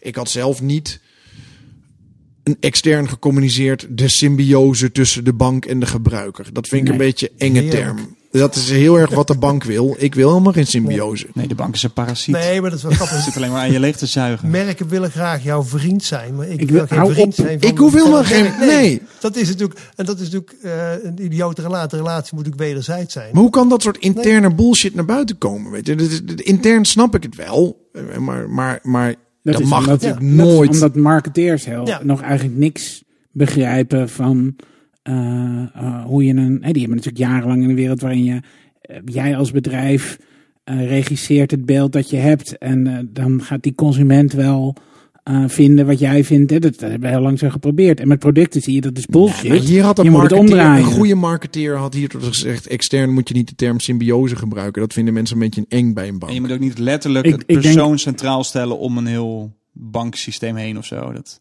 Nee. Dus, Maar, dat, maar ik ben Ik met ben eerder bang voor het omgekeerde. Ik denk dat de marketeer heeft aangeraden. We gaan noemen het symbiose. Ja? Dan voor, ja, natuurlijk, want dat is persoonlijk. Ik, maar en ik dat ben is bang wat de willen. volgende podcast moet hier iemand van Rabo zitten, vrees ik. Want eh, wij hebben ze nu allemaal dingen laten doen en zeggen. eh, Nee, nee, hypothetisch. Nee, dat vind ik. Het gaat ook, het gaat ook helemaal niet om. Het gaat niet om de Rabo te bashen. Het gaat erom in welke valkuil eh, moet je niet stappen. Het is een interessante case. Het Ja. is een, een, een case voor de hele sector, volgens mij, waar iedereen ook heeft mee zitten kijken. Hoe ga je eh, van vier sterren naar één in de App Store? Eh, dat het was ook heel erg de Heel tendens snel, omdat ja. het een nieuwe app was. Maar er zaten minder dingen in dan in de oude app. En de dingen die me- de, de harde roepers op internet wilden hebben, zoals Touch ID eh, inloggen, dat zat er nog steeds niet in. Nee. Zat er hè, alsnog niet in en dat kwam er ook niet de komende zes maanden zo. Want het is ook moeilijk met HTML5 was dat er zo. Dus dat, dat was ook echt wel een backlash voor eh, die nieuwe app. Oh, oh. Maar weet kun je- je- kun wacht je- even, wacht, wacht, je Even, vervanging- even één ding vragen. Weet jij of eh, straks onze telefoon ook als OV-chipkaart kunnen gebruiken? Heb jij inside, fijne inside informatie? Het zou moeten kunnen. Het Nou, kan in Londen. Ja, ja. Nee, nee, eh, nee, in Londen kan het niet. In Londen kun je met Apple Pay kun je betalen. Oh ja. Eh, of met een Barclays card die je op je telefoon staat. Dus dat, maar dat heeft te maken met het feit dat daar EMV is uitgerold. EMV is de, de, de elektronische betaalstand. Ja, contactloos betalen. En dan kan het ook met een telefoon die, die dat Die heeft. dat heeft, Dus ja. dat betekent niet eh, of Apple Pay of Android eh, eh, kan het ook. Ja. En in Nederland is er een proef geweest. Die heet Smart OV. Is gewoon publiek, eh, publiek informatie. Dus ik zeg niks, niks geheims. Wat, wat heel mooi is geweest, kijk, die, die palen staan lang in het veld. Zes tot acht jaar. Dat is hardware, die, ja, die investeer je in en dat heeft een lange aanlooptijd. Eh, en die telefoontjes, nou, om de twee jaar. Ehm, dus als je dat op elkaar af wil stemmen, dat is een beetje het probleem. Wat ze hebben gedaan is de, op een simkaart een OV-chipkaart emuleren en dat eh, signaal broadcasten via de NFC. Eh, daardoor doe je dus een, een, en dat, dat noemen ze Smart OV, is een proef mee geweest. En die is, die is geslaagd eh, in de zin van ze gaan ermee door. Het was een test. En hij wordt het komende jaar volgens mij uitgerold met 10.000 ongeveer deelnemers. Ehm, als ik me niet vergis bij Vodafone en KPN. Eh, maar wel met Android-toestellen. Maar eh, dat is eigenlijk hetzelfde als dat je een eh, sticker met dat chipje in je telefoonhoesje zou stoppen. Er Nee. zit geen... Nee, nee, nee, nee, nee. Je krijgt een simkaart. Je krijgt gewoon een simkaart waar en daar merk jij voor de rest niks van. Ja, Nee, maar die, ik bedoel, net als een maar ik bedoel sticker er zit niet eh, eh, in mijn telefoon dan op OS-niveau een connectie tussen het signaal dat ik stuur naar die transponder reader. Dus ik kan niet... Ja, oh, je moet wel wat met die simkaart doen, of niet? Ja, die simkaart Die wordt simkaart is te bereiken via de telefoon. ja, dan die kan je ook te dingen mee bereiken doen via de app. telefoon. Ah, is echt Ja, oké. Ja, we hebben die proef hebben we meegedaan. En dan krijg je een telefoon en die, die hou je boven de, boven de poort. En dan zegt hij, u bent ingecheckt. Maar dat is omdat Oh, het Android-systeem gewoon toegang heeft tot zo'n chipkaart. En op iOS en is dat Apple zo. houdt alles dicht. En En dus ik, Maar als je nu kijkt, Nee. wij zijn nu aan het kijken hoeveel, hoeveel van dat soort systemen er weer, pilots en systemen er wereldwijd zijn. Ik ben benieuwd wanneer Apple. Ik denk dat er, men, er zijn mensen die bereid zijn om over te stappen van iOS naar Android. Zeker ook omdat Android steeds beter wordt. Als ze daarmee in het openbaar vervoer eh, kunnen inchecken en, en van eerste naar tweede klas kunnen switchen. Ja. Dat kan dus dan. Hè? Als je Ja, ja, ter plekke Dus al die dingen waarvoor je nu naar zo'n automaat moet en die dan weer... Op je- dat kan je dan... Nou ik weet niet of dat nu in de plan, maar, maar eh, de, de vervoerders zijn bezig om nu zo'n test te doen. En eh ja, 10.000, dus het wordt een soort brede, wat, wat zal het zijn, een open beta met invites of zo, ik weet niet. je hebt dan ook een interface naar de, de, de communicatie. Je kan zien of je in of uitgecheckt Ja. bent. En, eh, de, de, Ja. proef, de proef die wij hadden, eh daar kon je, eh er zat de halte database er nog niet in, maar daar kon je dus in, in hal- halte GVB, halte gereisd met Ja. NS. Eh, dus je hebt je feedback en sommige toestellen konden ook een push geven. En dat, wat, dat was wel, ja goed, het was een technische proef. Dus qua user experience nog niet heel erg geoptimaliseerd. Wat ik een beetje jammer vind, is mensen altijd zo makkelijk roepen. Dan zegt een minister, die zegt... Of nee, nee, nee, wie was het? Dus een, een Kamerlid. We kunnen wel naar de maan, maar we kunnen nog niet inchecken met onze mobiele telefoon. Hey, we kunnen toch... dat eh, ook een We, kunnen helemaal niet meer naar de Nee. maan. Nee. Dat zouden we toch nu helemaal niet meer kunnen, naar Nee. de maan? Nou ja, het zou... Volgens mij is die kennis al lang we moeten wat dingen weer opstarten. Maar Nou, dat duurt echt al, dat duurt langer dan verbeteringen doorvoeren aan de overchipkaart. Maar, maar wel, dan denk ik, nou ja, geef mij het geld dat je nodig hebt om Ja, naar de maan ja. te gaan. En dan zorg ik dat je kan inchecken met je mobiel. Want dan vervang ik al die eh, palen in dat het ben ik helemaal veld. met je eens. Al die eh, rare SpaceX-achtige investeringen. Ja, nou weer? Schaffen we? SpaceX schaffen we af. In plaats daarvan komt Elon Musk gewoon lekker inchecken met zijn mobiel bij ons in Nederland. Nee, nee goed, het is, het is kunnen we het gewoon... dan niet groots aanpakken en kunnen we dan niet gewoon gelijk eh, dat hele openbaar vervoer verbeteren? Kunnen we dan niet ook gelijk keuzes maken over waarom houden we zoveel verkeerssystemen tegelijkertijd? Maar is het nog wel nodig als we de zelfrijdende auto hebben? Dat kun je afvragen. Dat Ja. is echt een vraag waar je naar moet kijken. Ik, zie wel eens mensen van nee, dan de snelwegen lopen dan vol als iedereen met een auto gaat. Ik denk ja, dat kan zo goed op elkaar afgestemd zijn. Mm, het, als iedereen zijn eigen zelfrijdende auto gaat Die kan gebruiken oproepen. en, en tegelijkertijd van Delft naar Amsterdam wil om half negen of dezelfde met- dan heb je het probleem, dan is die piekbelasting er nog steeds. Sterker nog, hij is, hij is erger. Ja, maar dat zit normaal dus op een treinrails eh, in eh, wat is het, eh, 40 meter zitten dan zoveel mensen. En als je dat dan veel mensen in ja, in de ja, 40 ja. meter. ja, maar die auto's worden ook misschien wel anders natuurlijk. Ja. Nee, maar dat is, dat is een goede vraag. Waar je, waar je, Stapelbaar. je moet denk ik zo langzamerhand eh echt gaan nadenken. Wat willen we met openbaar vervoer? Maar dat betekent dat de overheid een visie moet uitspreken. Wat moet openbaar vervoer doen in Ja, Nederland? maar dat doen ze willen niet. we? Nee, dat moet de markt doen. Rutte heeft Maar toch dit- maar eh, dat kunnen- gezegd want- dat visie is een olifant. Die, dit is, eh, maar dit, is, dit vind ik, ik. Hoe moeilijk kan het zijn? Ook daarvoor geldt. Kijk om je heen. Kijk naar eh, wat zijn eh, grote verstedelijkte gebieden. Wat voor oplossingen kiezen daar? Wat willen we worden? Willen we Tokio worden of willen we maar dat Bombay zijn de oplossingen van vandaag. En we misschien moeten ook wel naar overmorgen en, en volgende Nou, week kijken. nee, nee, dit beide vind ik wel. Want Ja. de Nederlandse overheid is best wel bang. Gewoon om, om ernaast te zitten. Want ja, wat Ah, dan? Want heel met alle. Nee, ICT kunnen we niet. Dit kunnen we niet. Dat kunnen we niet. Laat het maar aan de markt. Laat het maar aan de markt. En dan, wordt het, dan, wordt, dan krijg je alleen maar de oplossing voor morgen. Ja. En niet voor overmorgen. Ik, ik, ik heb voor de geroepen. Als we klaar zijn met die Noord-Zuidlijn. Door met een ringlijn. Want nu weten we hoe het moet. Weet je, als je een metropool wilt zijn. Echt, als ik qua user experience. Als ik ergens een graftakkenhekel aan heb. Dus de tram en de bus in Amsterdam. Afschaffen. Echt waar. Onder de grond. Ja, het, is, het is te traag. Het zit in de weg. Het schudt. Je wordt misselijk. Als je ooit in Hongkong het, het metrosysteem. Dat laat zo'n stad gewoon leven. Ja. En, en dan hebben we boven, boven hebben je dan eh, meer ruimte voor fietsen. Eh, het, ja, je moet het wel iets beter managen dan met de Noord-Zuidlijn. Daar ben ik absoluut met je eens. Maar, Maar, Maar ook dat is een infrastructuur- incrementeel proces. Want eh, de Noord-Zuidlijn is weer beter gemanaged dan de Oostlijn in Amsterdam. daar, ja, daar hadden we nog rellen. Jongens, dus... Nee, maar... eh, eh, ja, eh, qua maatschappelijke onrust is Wat het is de misschien iets beter Oostlijn? Ben ik daar te jong voor? Oostlijn is dat waar je mee naar de Bijlmer kan.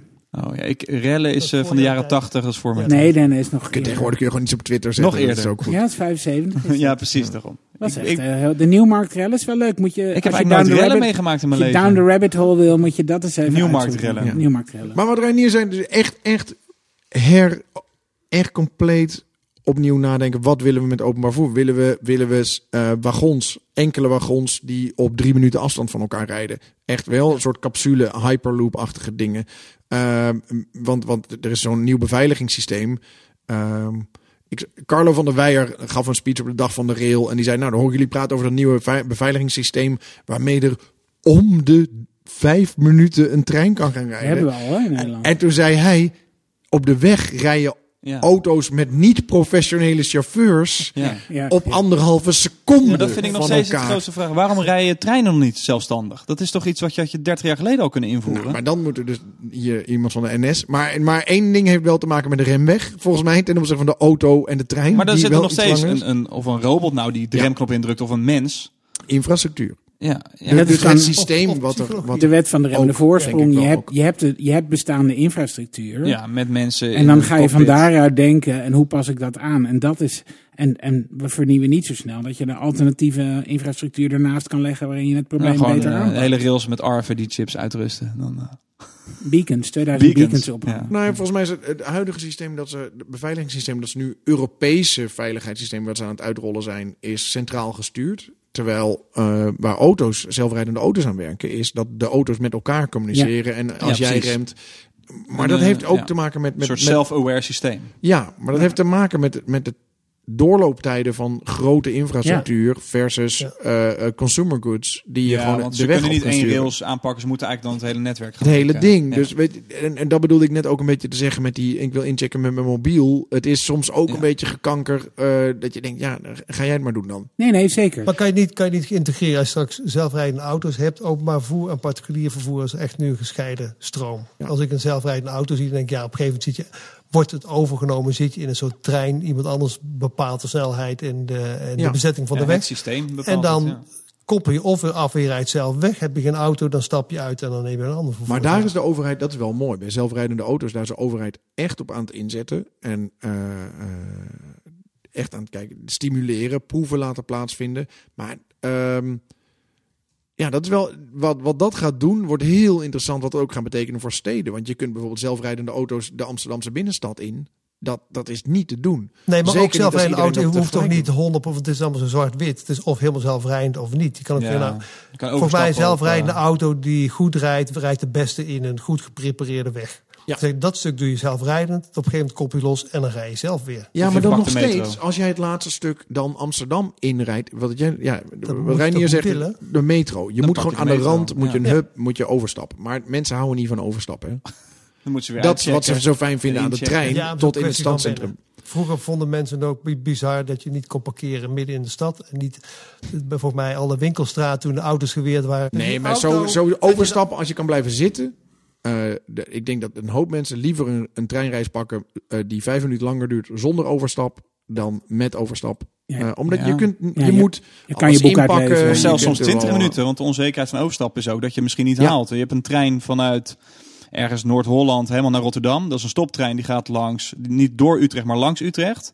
En die heb ik ook wel eens gepakt, omdat ik wist, ja, dat is 20 minuten langer. Maar dan blijf ik gewoon zitten vanaf Amsterdam eh, naar eh, Rotterdam. Tijd ik was dan vanaf Zandam naar Rotterdam, maar dan hoef ik niet over te stappen. De cognitieve belasting van, je, van je reis. Heb ik, eh, ik heb in die column wel eens in de Volkskrant een vergelijking gemaakt tussen het reizen naar Londen met het vliegtuig en met de trein. Eh, de, de Eurostar gaat ri- rijden vanaf Amsterdam. Ja. Eh, dan, dan moet je wel door de douane. Want, want eh, eh, Engeland zit nu over de. Gro- Groot-Brittannië zit nu ook al niet binnen de Europese niet Schengen. Schengen. Niet. Schengen. Ja. Niet Schengen. Maar vanaf dat moment heb je dus vier uur downtime. Vier uur lang, waarin je niks hoeft. En eh, met het vliegveld moet je, Ja, zou vanaf Amsterdam... maken dan. Ja. Eh, Ik moet dit klaar hebben. Ik moet Ja. dat. Oh, die regels. Ik moet mijn schoenen uittrekken, mijn riem af. Dan moet ik naar binnen. Oh, nu, je hebt allemaal deadlines. Die, die op het slechtst ontworpen stukje papier ter wereld staan. De boarding pass. Weet je, waar ook niemand iets aan doet. Ah, Ehm, die is ook maar niet meer. Die hebben Het wordt een app. lange uitzending vandaag. Als ik- Bullshit. Nee, de boarding pass is echt... Ik ben, ik ben behoorlijk digitaal, maar ik print ze. Ja? Ja, weet je Oh. waarom? Nou, Omdat ik op een vlucht niet altijd overal ga zitten opladen. Je weet nooit wanneer die leeg is. Ik vind het gewoon fijn ah, om hem te kunnen printen. En zelfs de zelfprint boarding pass, die, die, die nul geld kost om beter te layouten, is niet in vieren te vouwen, maar in drieën bij KLM. Iedereen, je moet hem in vieren, want dan Een past hij gaat in vieren en dan past hij in. in je paspoort. Weet je, maar dat soort dingen. En ook. Maar er is toch één, er is één Uit hele goede... woede heb ik wel een keer een herontwerp gemaakt en dat aan KLM eh, gestuurd. Waarbij ik gewoon A, alles op volgorde had gezet. Wat is Wat je je, je maar je deadline tijden ook. Ja. Baggage drop-off, zo laat. Eh, incheck deadline, zo laat. Et cetera. Dat je gewoon van boven, alleen maar van boven naar beneden hoefde te kijken. En nu staat het, Ja. moet je all over the place. Maar boarding pass redesigns zijn er fantastisch op internet. Ja, want echt er hele is, mooie. Er is, er is een, een, een freelance designer geweest die Ja. heeft een Ja. mee, die heeft een soort van Ja. long reads. En hadden we nog niet eens long reads daaraan besteed en hoe dat beter zou kunnen. En ook tot en met de branding aan toe meegenomen. hoe Dat was heel goed. Maar wat, wat, super. wat, wat hij deed, hij zat op die, die print boarding passes die je op het vliegveld kreeg. Ja, ja, dat is waar. En, en die zijn moeilijker aan te passen. Want dat komt uit, uit systemen van leveranciers. En is best wel duur. Die zijn voorbedrukt. Ja? Nou, jawel. Ja, ze hebben een Ja. standaard formaat. dat Hoewel is een zelfs dat ding. is niet, was, want die komen natuurlijk. Maar als die rol een keer opnieuw gedrukt moet worden, had je het al bijna Tuurlijk. kunnen doen. Ja, maar die printers komen natuurlijk ook uit het jaar Ja, nul. Maar die, de self-print boarding pass. als een, de als een- PDF. Kan je gewoon morgen PDF. doen? Kan je de more, precies. Kan je mee experimenteren, kan je in tien varianten maken. Dat kan je gewoon doen. Maar Het is niet helemaal hoe het hoort, maar we lossen het wel op. Oké, wij hadden ook even dat de, eh, eh, de eh, laptop uitviel. Oh, zo los je het op. Ja, goed hè? Ah. Ehm, we hadden het over eh, eh, eh, de boarding passes en waarom, waarom eh, zo'n KLM daar dan niet bovenop zit. Wat is dat dan toch? Is het dan dat ze die eh, manier van uitproberen, van snel dingen proberen, gewoon niet in de vingers of in de genen Nou, dat, denk ik niet. Want KLM, di- KLM, het digitale team van KLM is waanzinnig goed. Tenminste, wat ik er van langs zie komen, die selectie van die vluchten die ze hebben aangeboden, daar gebeuren hele goede dingen. Dus het enige wat ik kan bedenken is dat zij dat die, dat die PDF boarding pass niet in hun circle of influence zit. Dat ze daar niks mee mogen en dat het is ondergebracht bij iemand of iets die daar minder prioriteit aan geeft. Iets anders wat ik zou. We gaan weer lekker speculeren. Maar iets anders wat ik zou kunnen bedenken. is dat er veel aandacht is voor digitaal en minder voor papier. En dat zie ik wel vaker. De verapicering. Zeg maar dat, dat de oplossing voor alles is een app. En voor mij is digitaal is maar één van je kanalen. Ja, wij hadden daar, Renier werkt op een project eh, voor Schiphol. Eh, eh, Joost heeft ook op Schiphol wat gedaan, ik ook. Eh, je zag dat daar heel erg gedacht wordt, we moeten een app voor de navigatie ontwikkelen. Dus ik heb het ook, we hebben het hier ook aan Albert van Veen gevraagd. Eh, Schiphol heeft toch helemaal geen navigatieprobleem. Er hangen eh, de borden en het systeem van Mijksenaar eh, zijn wereldberoemd. Als er ergens de wayfinding goed geregeld is, dan is het op Schiphol. Waarom zou je dat in een app stoppen? Waarom zou je niet kijken, daar laten we nog de, als er knelpunten zijn die in de fysieke omgeving oplossen?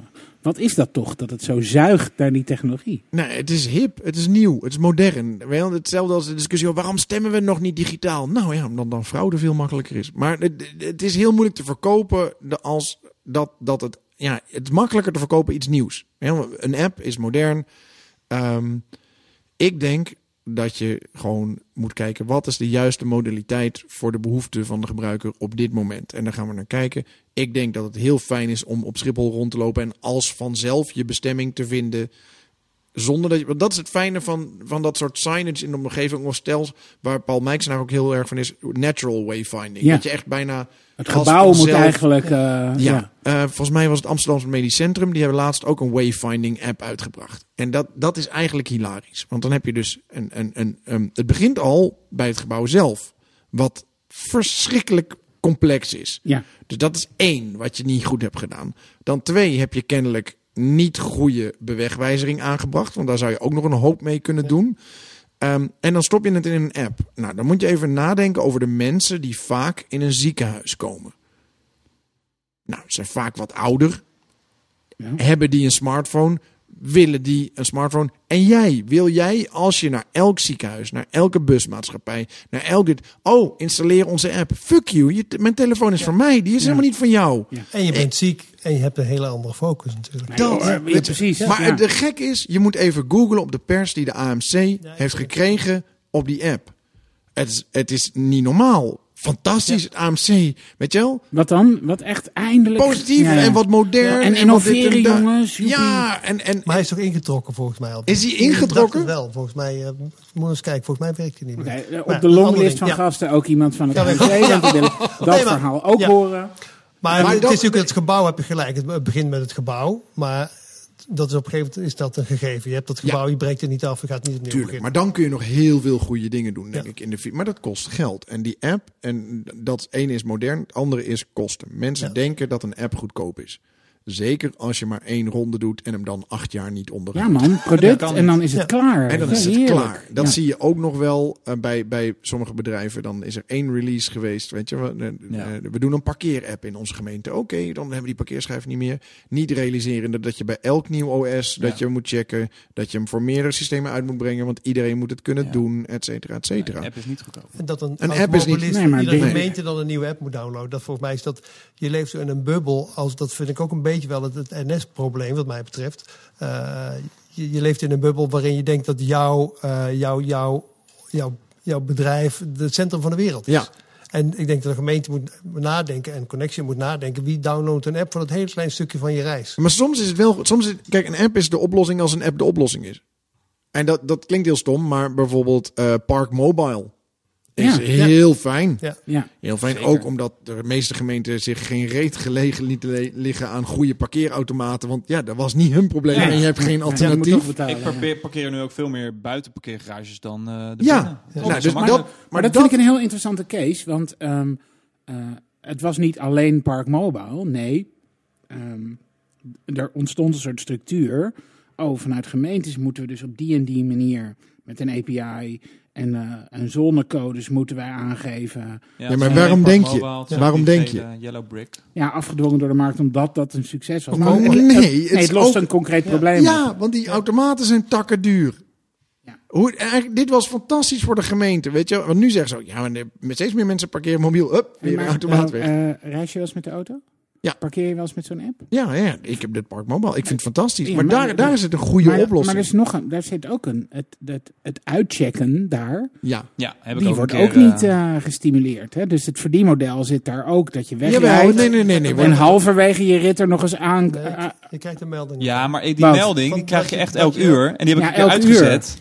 Die heb ik dus een keer uitgezet. En toen was ik het een keer vergeten. Nou, toen was het gelukkig s'nachts gratis parkeren. dus ik was er oké, een jongens, euro voor maar bij het is dus nul, ik bedoel, het is relatief nul moeite om in die app te detecteren. of in- Ja, precies. Ja, Precies. dat zit er niet in. En nee, en dat is natuurlijk toch een beetje eh, eh, eh, het mechanisme van de, de cynische van de iris-check. En de, hè, we hebben ook belang bij dat er in het systeem wat in het net blijft hangen. Ja, maar ja, dat Dus, gevoel krijg ik er nog niet helemaal. Maar oh ja, misschien is het wel mijn slechte geest. Die Het dat zou, het zou, nee, maar heel vaak is het met dat soort dingen volgens mij niet intentioneel. Maar omdat het bedrijven geen geld kost, is, staat het ook niet hoog op de lijst om Nee. op te lossen. Maar het dat zou voor de gebruiker fantastisch ja, zijn. en dat is, dat is waar je moet, moet kantelen als bedrijf. Je moet niet meer denken, eh, eh, het kost ons geen geld, dus we hoeven het niet op te lossen. Je moet gaan denken, hoe worden we een beter product of een betere dienst voor de gebruiker? Oké, en daar gaan we het straks over hebben. Kunnen we het ook over raketten hebben straks? Ja, natuurlijk. kunnen we. Kunnen het altijd eventjes over raketten Oh, en de Bax Shop, daar wil ik Ja. het ook over Ja! hebben. Ja! Iedereen blij van. Echt? Tot Waarom? zo. glitch, Glitch wordt mede mogelijk gemaakt door Eden Spiekerman. Naast merkontwikkeling en digital design helpt Eden Spiekerman bedrijven met innovatievraagstukken. Zo wilde de NS en ProRail de drukte op de brons te lijf gaan.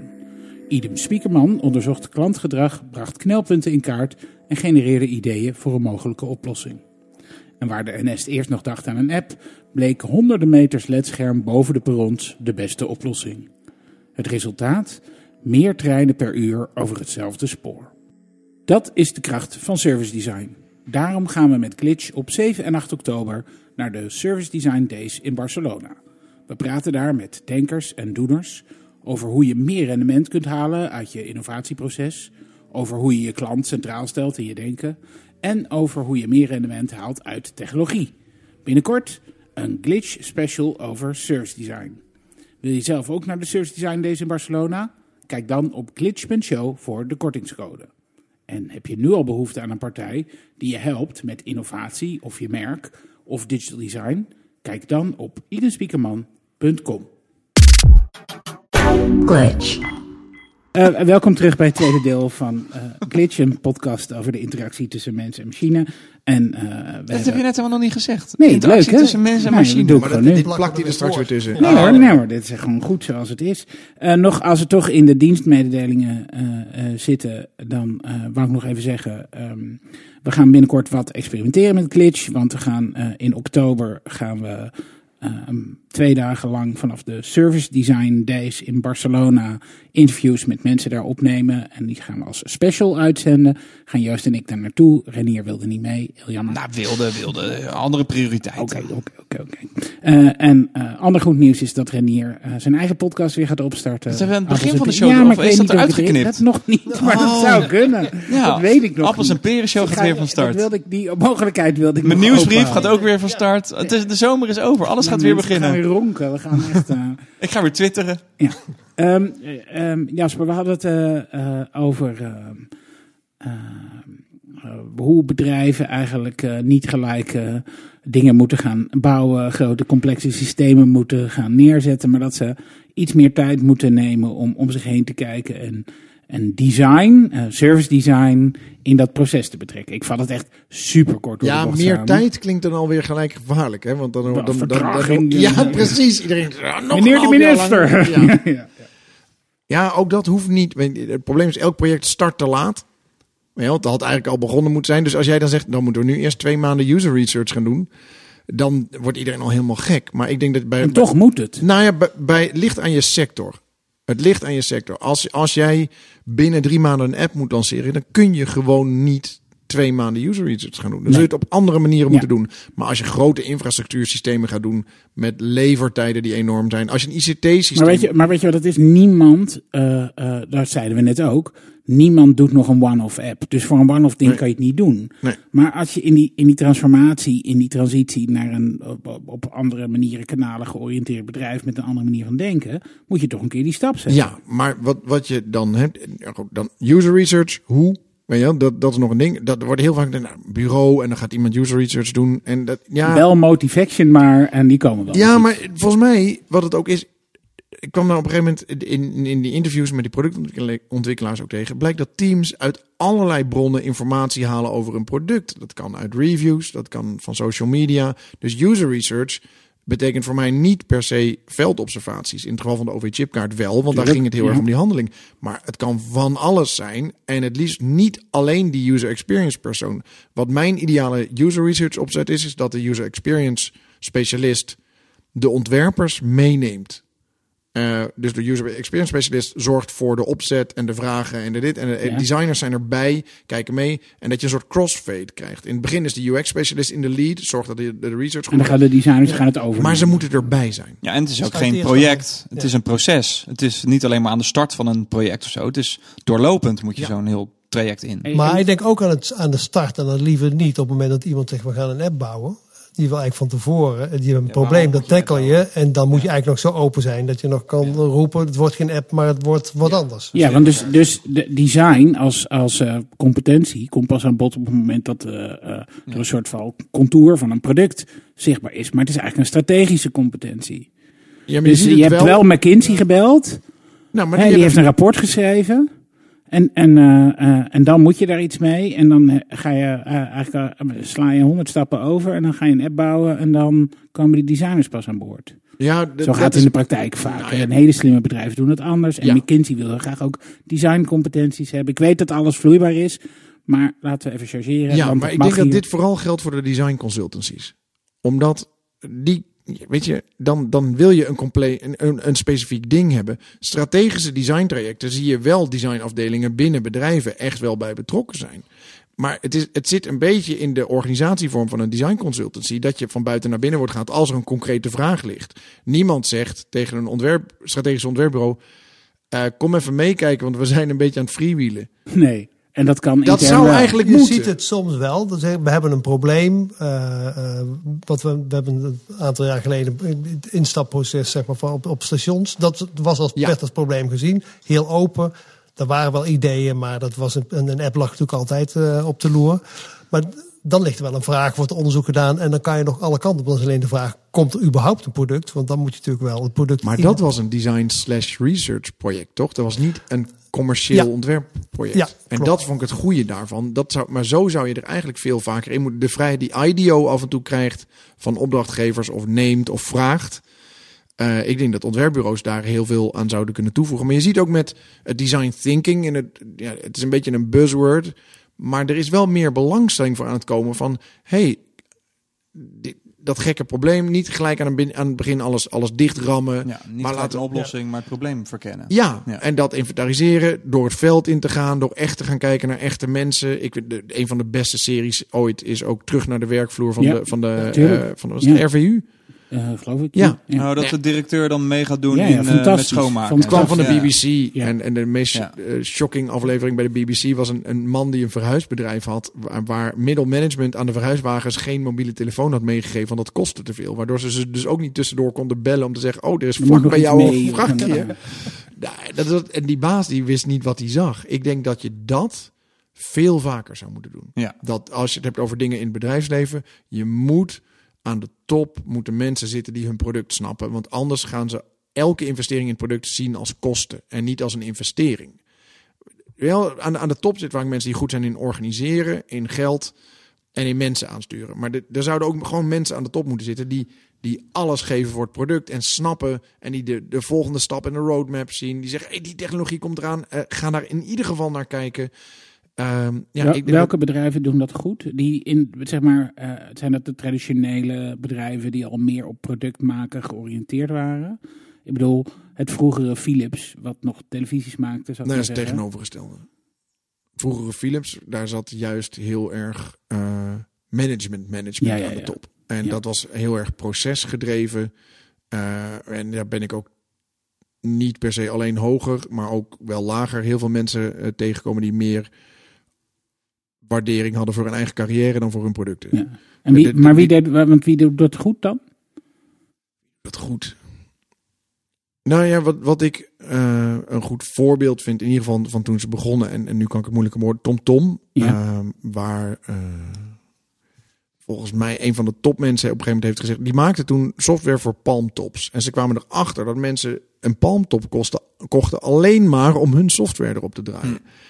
En, maar dan moest je die software installeren, moest je die, die een cd'tje en dan moest je dan op, op, de, op zo'n geheugenkaart zetten. Oh, dan moest je vanaf dat geheugenkaart moet je dan in dat, in dat ding, dan moest dat geïnstalleerd worden. Er zat nog een installatieprocedure bij. Dan moest je die palmtop connecten met een GPS-puck via Bluetooth, Oh, ja. wat ook bepaald niet stabiel was. Nou, en die topman zei, ja, je hebt ongeveer een, een graad in de elektrotechniek nodig om dit te installeren. Dat is een hele kleine doelgroep. Dus hij heeft gewoon gezegd, good usability is good business. En is zich ook gaan bemoeien met dat realiseren. En dat is bedoeld, daarmee bedoel ik, product is strategie. Je service is de kern van je bedrijf. Die moet je goed willen hebben. Als je een management hebt dat alleen maar kijkt naar alles eromheen, heb je eigenlijk een hele goede facilitaire dienst. Ja. Ja. Maar dat is het eind in, Maar die- uiteindelijk niet waar het kern, om gaat. die shiny, eh, waar het om gaat in je bedrijf, die mist dan. Ja, maar kennen jullie, kennen jullie, maar zegt. kennen jullie topmensen die kijk, het gevaar ligt natuurlijk op de loer van, van, van, van managers die, die er een beetje van weten en dan het, het- het team wat heel lang heeft gewerkt en zegt nee, we doen het toch helemaal anders. Fuck you. Ah. Eh, ja, nou, dan- Nou, dat is ook, ik denk nog, eh, dat is een ontwikkeling. Want al die managers nu aan de top zitten, dat zijn echt gewoon eh, economen bij wijze van spreken. Bedrijfskundigen. Bedrijfskundigen. En Ja. eh, ik denk dat er nu pas in de laatste tien jaar, wat je eerst ook al zei, meer aandacht naar UX gaat, naar design. En misschien ook wel naar technologie, naar, naar ja, technology-driven people. En, en dat dat ja, maar de, de technologen, de technologen, eh, die, die weten het ook niet. Hè? Die- Nee, maar ook dat, die kennis heb je wel nodig in zo'n productvisie. Je moet wel weten wat er kan en wat, wat de, de box is waarin je werkt, eh, denk ik. Ik denk dat je als designer ook heel veel waarde hebt aan kennis van techniek en hoe dat Ja. in elkaar zit. Overigens, wat, Maar dat wat moet betreft. Philips, hun strategie dat ze licht hebben afgestoten en health focus en niet de concurrentie aangegaan met Samsung, die klopt wel. Ja, tuurlijk. Dat is heel slim. Ja. Ehm, alleen ik denk dat er op productniveau, dus dat de macrovisie klopt. Eh, want, want zodra eh, eh, Zuid-Korea besloot, wij gaan Samsung heel groot maken, productie hier heel groot, ja, dan ben je weg. Ja. Philips is gewoon door een overheid uit de markt geconcureerd. Ja, Ja. en de zou- Koreaanse overheid. door de. Koreaanse overheid. Ik, als wereldhandelsorganisatie zou je daar nog wel wat. Ik vind dat best wel gek wat daar gebeurt. Of is gebeurd eigenlijk. Want wat dat betreft is, is natuurlijk gewoon eh, weg. Maar leg, Maar nog even terug, Ja? want ik wil nog even terug, want ik vind, dus Reinier zegt we komen uit een periode waarin management van bedrijven is eh, financially driven. Hè, dus eh, als je maar efficiënt bent, als je al je processen maakt, als je maar compliant bent, weet ik al die van die checkboxes zijn ja, dat. Hè? hebben we nog Dus- CI en- CIO's. hebben, en- komen er nu aan. En ja, inderdaad. Maar die managen ook alleen maar leveranciers. En, er zit allemaal nog management management. Hè? Dus het is niet waar is de visie, eh, waar zit de passie voor het product. Maar vooral om een goed product te kunnen bouwen moet je een creatieve cultuur hebben in je bedrijf. Je moet dingen uitproberen. Eh, je gaat heel veel dingen doen die niet lukken. Dus daar wil je de risico's klein van hebben, maar je wil ze wel kunnen exploreren. Eh, dat zit niet in de genen. Het is gewoon, eh, dat, dat, Dat is zorgvuldig heel veel bedrijven uitgemanaged. Nee, maar ik denk dat ook een ontwerper aan de top, als je die vrij spel geeft, dat dat ook heel gevaarlijk kan zijn. Nou, Maar dat het dus een soort balans is. Iemand die, Ja. die eh, een soort ondernemerschap in zich heeft, risico's durft te nemen en denkt, nou, als we dit doen, dan worden we of de grootste, of we redden het niet. Maar als ik kijk, dan redden we het anders sowieso niet. We gaan dit doen. Maar ook een Ja. goed gevoel bij het product of service hebben. Daar eigenlijk Ja. ook wel een, een, een, een voet in hebben. eh, Of ooit in de klei, met een voet in de klei hebben gestaan. Ik denk dat de familiebedrijven die Ja. volgens mij in, met name in Duitsland toch heel lang de crisis gewoon goed doorgestoomd hebben. Omdat daar gewoon een cultuur zit. Die hebben dat bedrijf opgezet. Die, Die begrijpen het product. Die weten waar ze het over hebben. En die hebben, een, hebben echt een lange termijn visie. Als ontwerper werken met mensen die, en, en bij familie, of dan bij fam- familiebedrijven is of ergens anders, die hun eigen product snappen, is heel prettig. Want dan kun je zeggen, ik, en dan kun je de verbetering veel beter uitleggen. Als je zegt, eh, we stellen dit voor, en er zit iemand tegenover je die het product snapt en snapt hoe gebruikers daarmee omgaan, die zegt, oh wacht even, dus dat betekent dat mensen niet meer dat en dat en dat. Oh, dat is relaxed. Dat is scenario 1. Scenario 2 is dat er iemand tegenover zit die het product niet kent. Die zegt eerst leg me het product uit. En dan twee, heb je voor mij een user test die bewijst eh, dat mensen dit fijn vinden. En daarna wil ik een test die bewijst dat dit een succes gaat zijn in de markt. Die heeft geen intuïtie. Nee. Nul. En dan, en dan loop je dus vast, volgens mij, in, in dat we meer en meer bewijs moeten gaan verzamelen. En meer en meer testen. Het validated user insights. En, en, en het doodslaan van het ontwerp. ja, ja. ja. Maar Zullen we hier stoppen? nee, nee, nee, nee, nee. Ik vind dat je helemaal gelijk hebt. Maar de, de vraag is alleen, hoe maak je die omslag? Hoe Terug naar de creëer je nou... Ja, terug naar de go to Gamba. Ja, neem, neem mensen mee. Eh, dat het denk en en een nieuwe wat, wat, Reinier zegt, een nieuwe generatie. Ik denk dat er wel hoger management aankomt. Ik denk dat het niet de CIO's zijn, en, want die, die zijn gewoon extreem goed in ICT. Ja. Dat is een andere discipline. Maar we zullen wel eh, misschien wel op een gegeven moment eh omnichannel managers aan de, aan de top zien komen. Ja. Nou ja, het is een jeukwoord, maar gewoon mensen. Kijk, kijken we naar, naar user experience en interactie en, en, en, en digital als discipline. Dat is allemaal nog vrij jong. Weet je. Ja. Het duurt een tijdje. Eh, Delft is nu, wat is het, 47 jaar oud. En, en nu zitten er mensen aan, aan de top bij BMW en Renault en, en weet ik veel. Dat, dat is leuk om te zien, maar dat heeft wel een tijdje geduurd. Maar omnichannel, wat bedoel je daarmee? Nou, mensen die gewend zijn om user experience als doel te hebben en daar dingen in in te zetten, gaan op een gegeven moment ook de top bereiken. En die gaan, dat betekent dat daaronder het ook makkelijker wordt, omdat je een aanspreekpunt Maar dat hebt. zijn dan, bedoel je dan meer de, de customer experience officers mee? Of Ja. mensen die echt begrijpen wat de klant wil, wat een doelgroep wil, wat je product kan? Nou, ik denk dat als je een, een product manager hebt of een product owner of een omnichannel, iemand die dus de boel coördineert. In in consumentenelektronica eh, is dat een product planner of een product eh, manager. En, en bij een app is dat een product owner.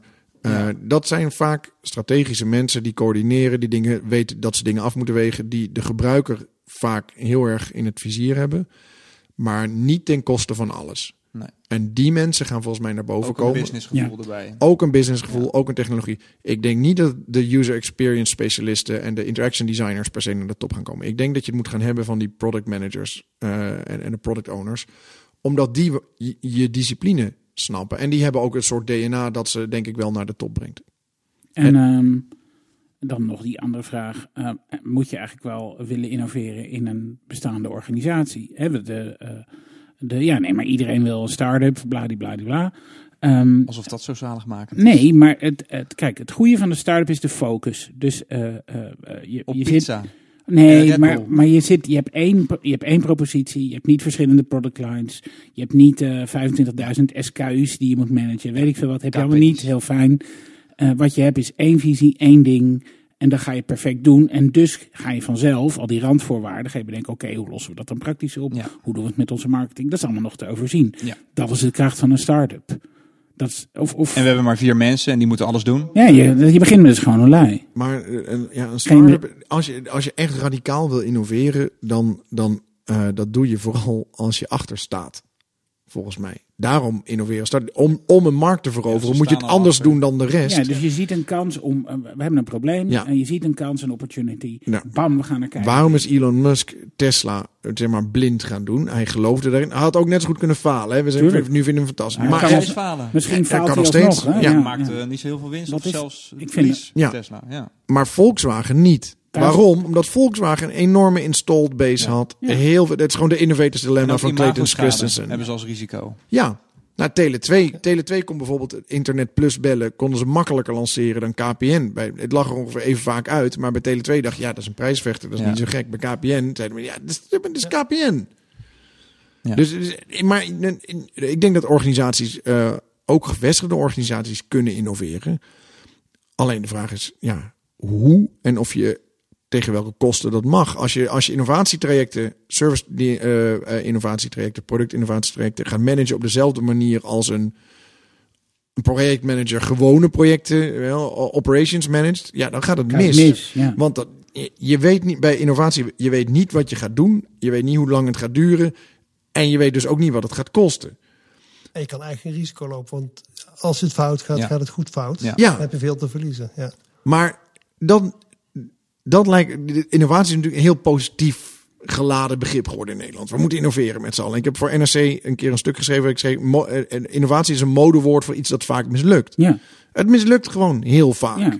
Alleen de potentiële opbrengsten zijn heel groot. Dus je moet je als organisatie vragen: willen we voor die potentieel grote opbrengsten gaan? Ja.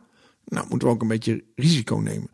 Wat ik dan bij ontwerpers wel af en ja, maar iedereen die wil, willen een- heel graag. een beetje innoveren. Ja, Dat maar kan En eigenlijk niet. dat klopt. Dat is geen innoveren. Maar nou gaan we even naar de andere kant. Ik heb ook wel eens iemand gesproken, eh hoger in een bedrijf, die zei, nou dan krijg ik ontwerpers bij me. En die willen met mijn geld willen ze innoveren. Ja. Dat is lekker makkelijk. Zegt ze, ja, maar je moet een beetje risico nemen. Wat, wat, hij zei, wat ik voor me zie is een ontwerper die verliefd is op zijn eigen ontwerp. En mij begint uit te schelden dat ik niet wil innoveren. Ik vind gewoon geen kansrijk product. Weet je, als, je, als jij alle vrijheid wil hebben, moet je ondernemer worden. Oh, eh, eh, wel, dan is het jouw geld, loop jij het risico. Ik vind wel, zolang je niet met je eigen geld gokt, dan moet je gewoon ook een beetje bescheiden zijn. Want heel jij, jij wordt niet ontslagen, weet je al. Of, of het, tenminste, misschien word je wel ontslagen, maar... Nee, maar jij, je je, bent hebt niet de verantwoordelijkheid om al die mensen aan het werk te houden en die aandeelhouders tevreden te stellen. En, Ja, nee, dat is ook zo. het is ook een beetje makkelijk. Ze willen niks. Maar je hebt het dubbel nodig, want als je het zelf het risico loopt, zit je misschien te veel met samengeknepen billen achter je tekentafel of achter je computer. En dan komt, dan komt daar niks bijzonders uit. Nee, misschien word je dan weer creatief als je... Ja, ik, ik-. Nee, maar kijk, de, eh, eh, prima. Maar eh, ehm, ik kan duizend en één dingen bedenken die je vanuit een start-up kan oplossen. Maar kan ook heel veel dingen, zoals zo'n overchipkaart, dat kan je helemaal niet vanuit een start-up oplossen. Maar dat soort problemen moeten we wel ook oplossen. ja, Er zijn er, zo zijn er nog zat. wel. Mijn, mijn, Jan Buis was mijn afstudeerhoogleraar en die is, die is overleden afgelopen jaar. En, maar toen hij zijn afscheidssymposium eh, eh, ging houden, toen eh, ging hij met, iedereen lunchen van waar zou ik het over moeten hebben. En toen vroeg hij mij ook wat, waar zou ik het over moeten hebben. En toen, eh, ik wilde van hem weten wat hij nou zou doen. Ik zei, je hebt je zo lang bezig gehouden met innovatie. Wat zou jij nou doen? Want het is een heel moeilijk ding en het mislukt heel vaak. Stel, ik, ik neem jou aan bij mijn bedrijf. Hij zei, ik zou denk ik op zoek gaan ehm, naar de mislukte projecten. Het archief met de mislukte projecten.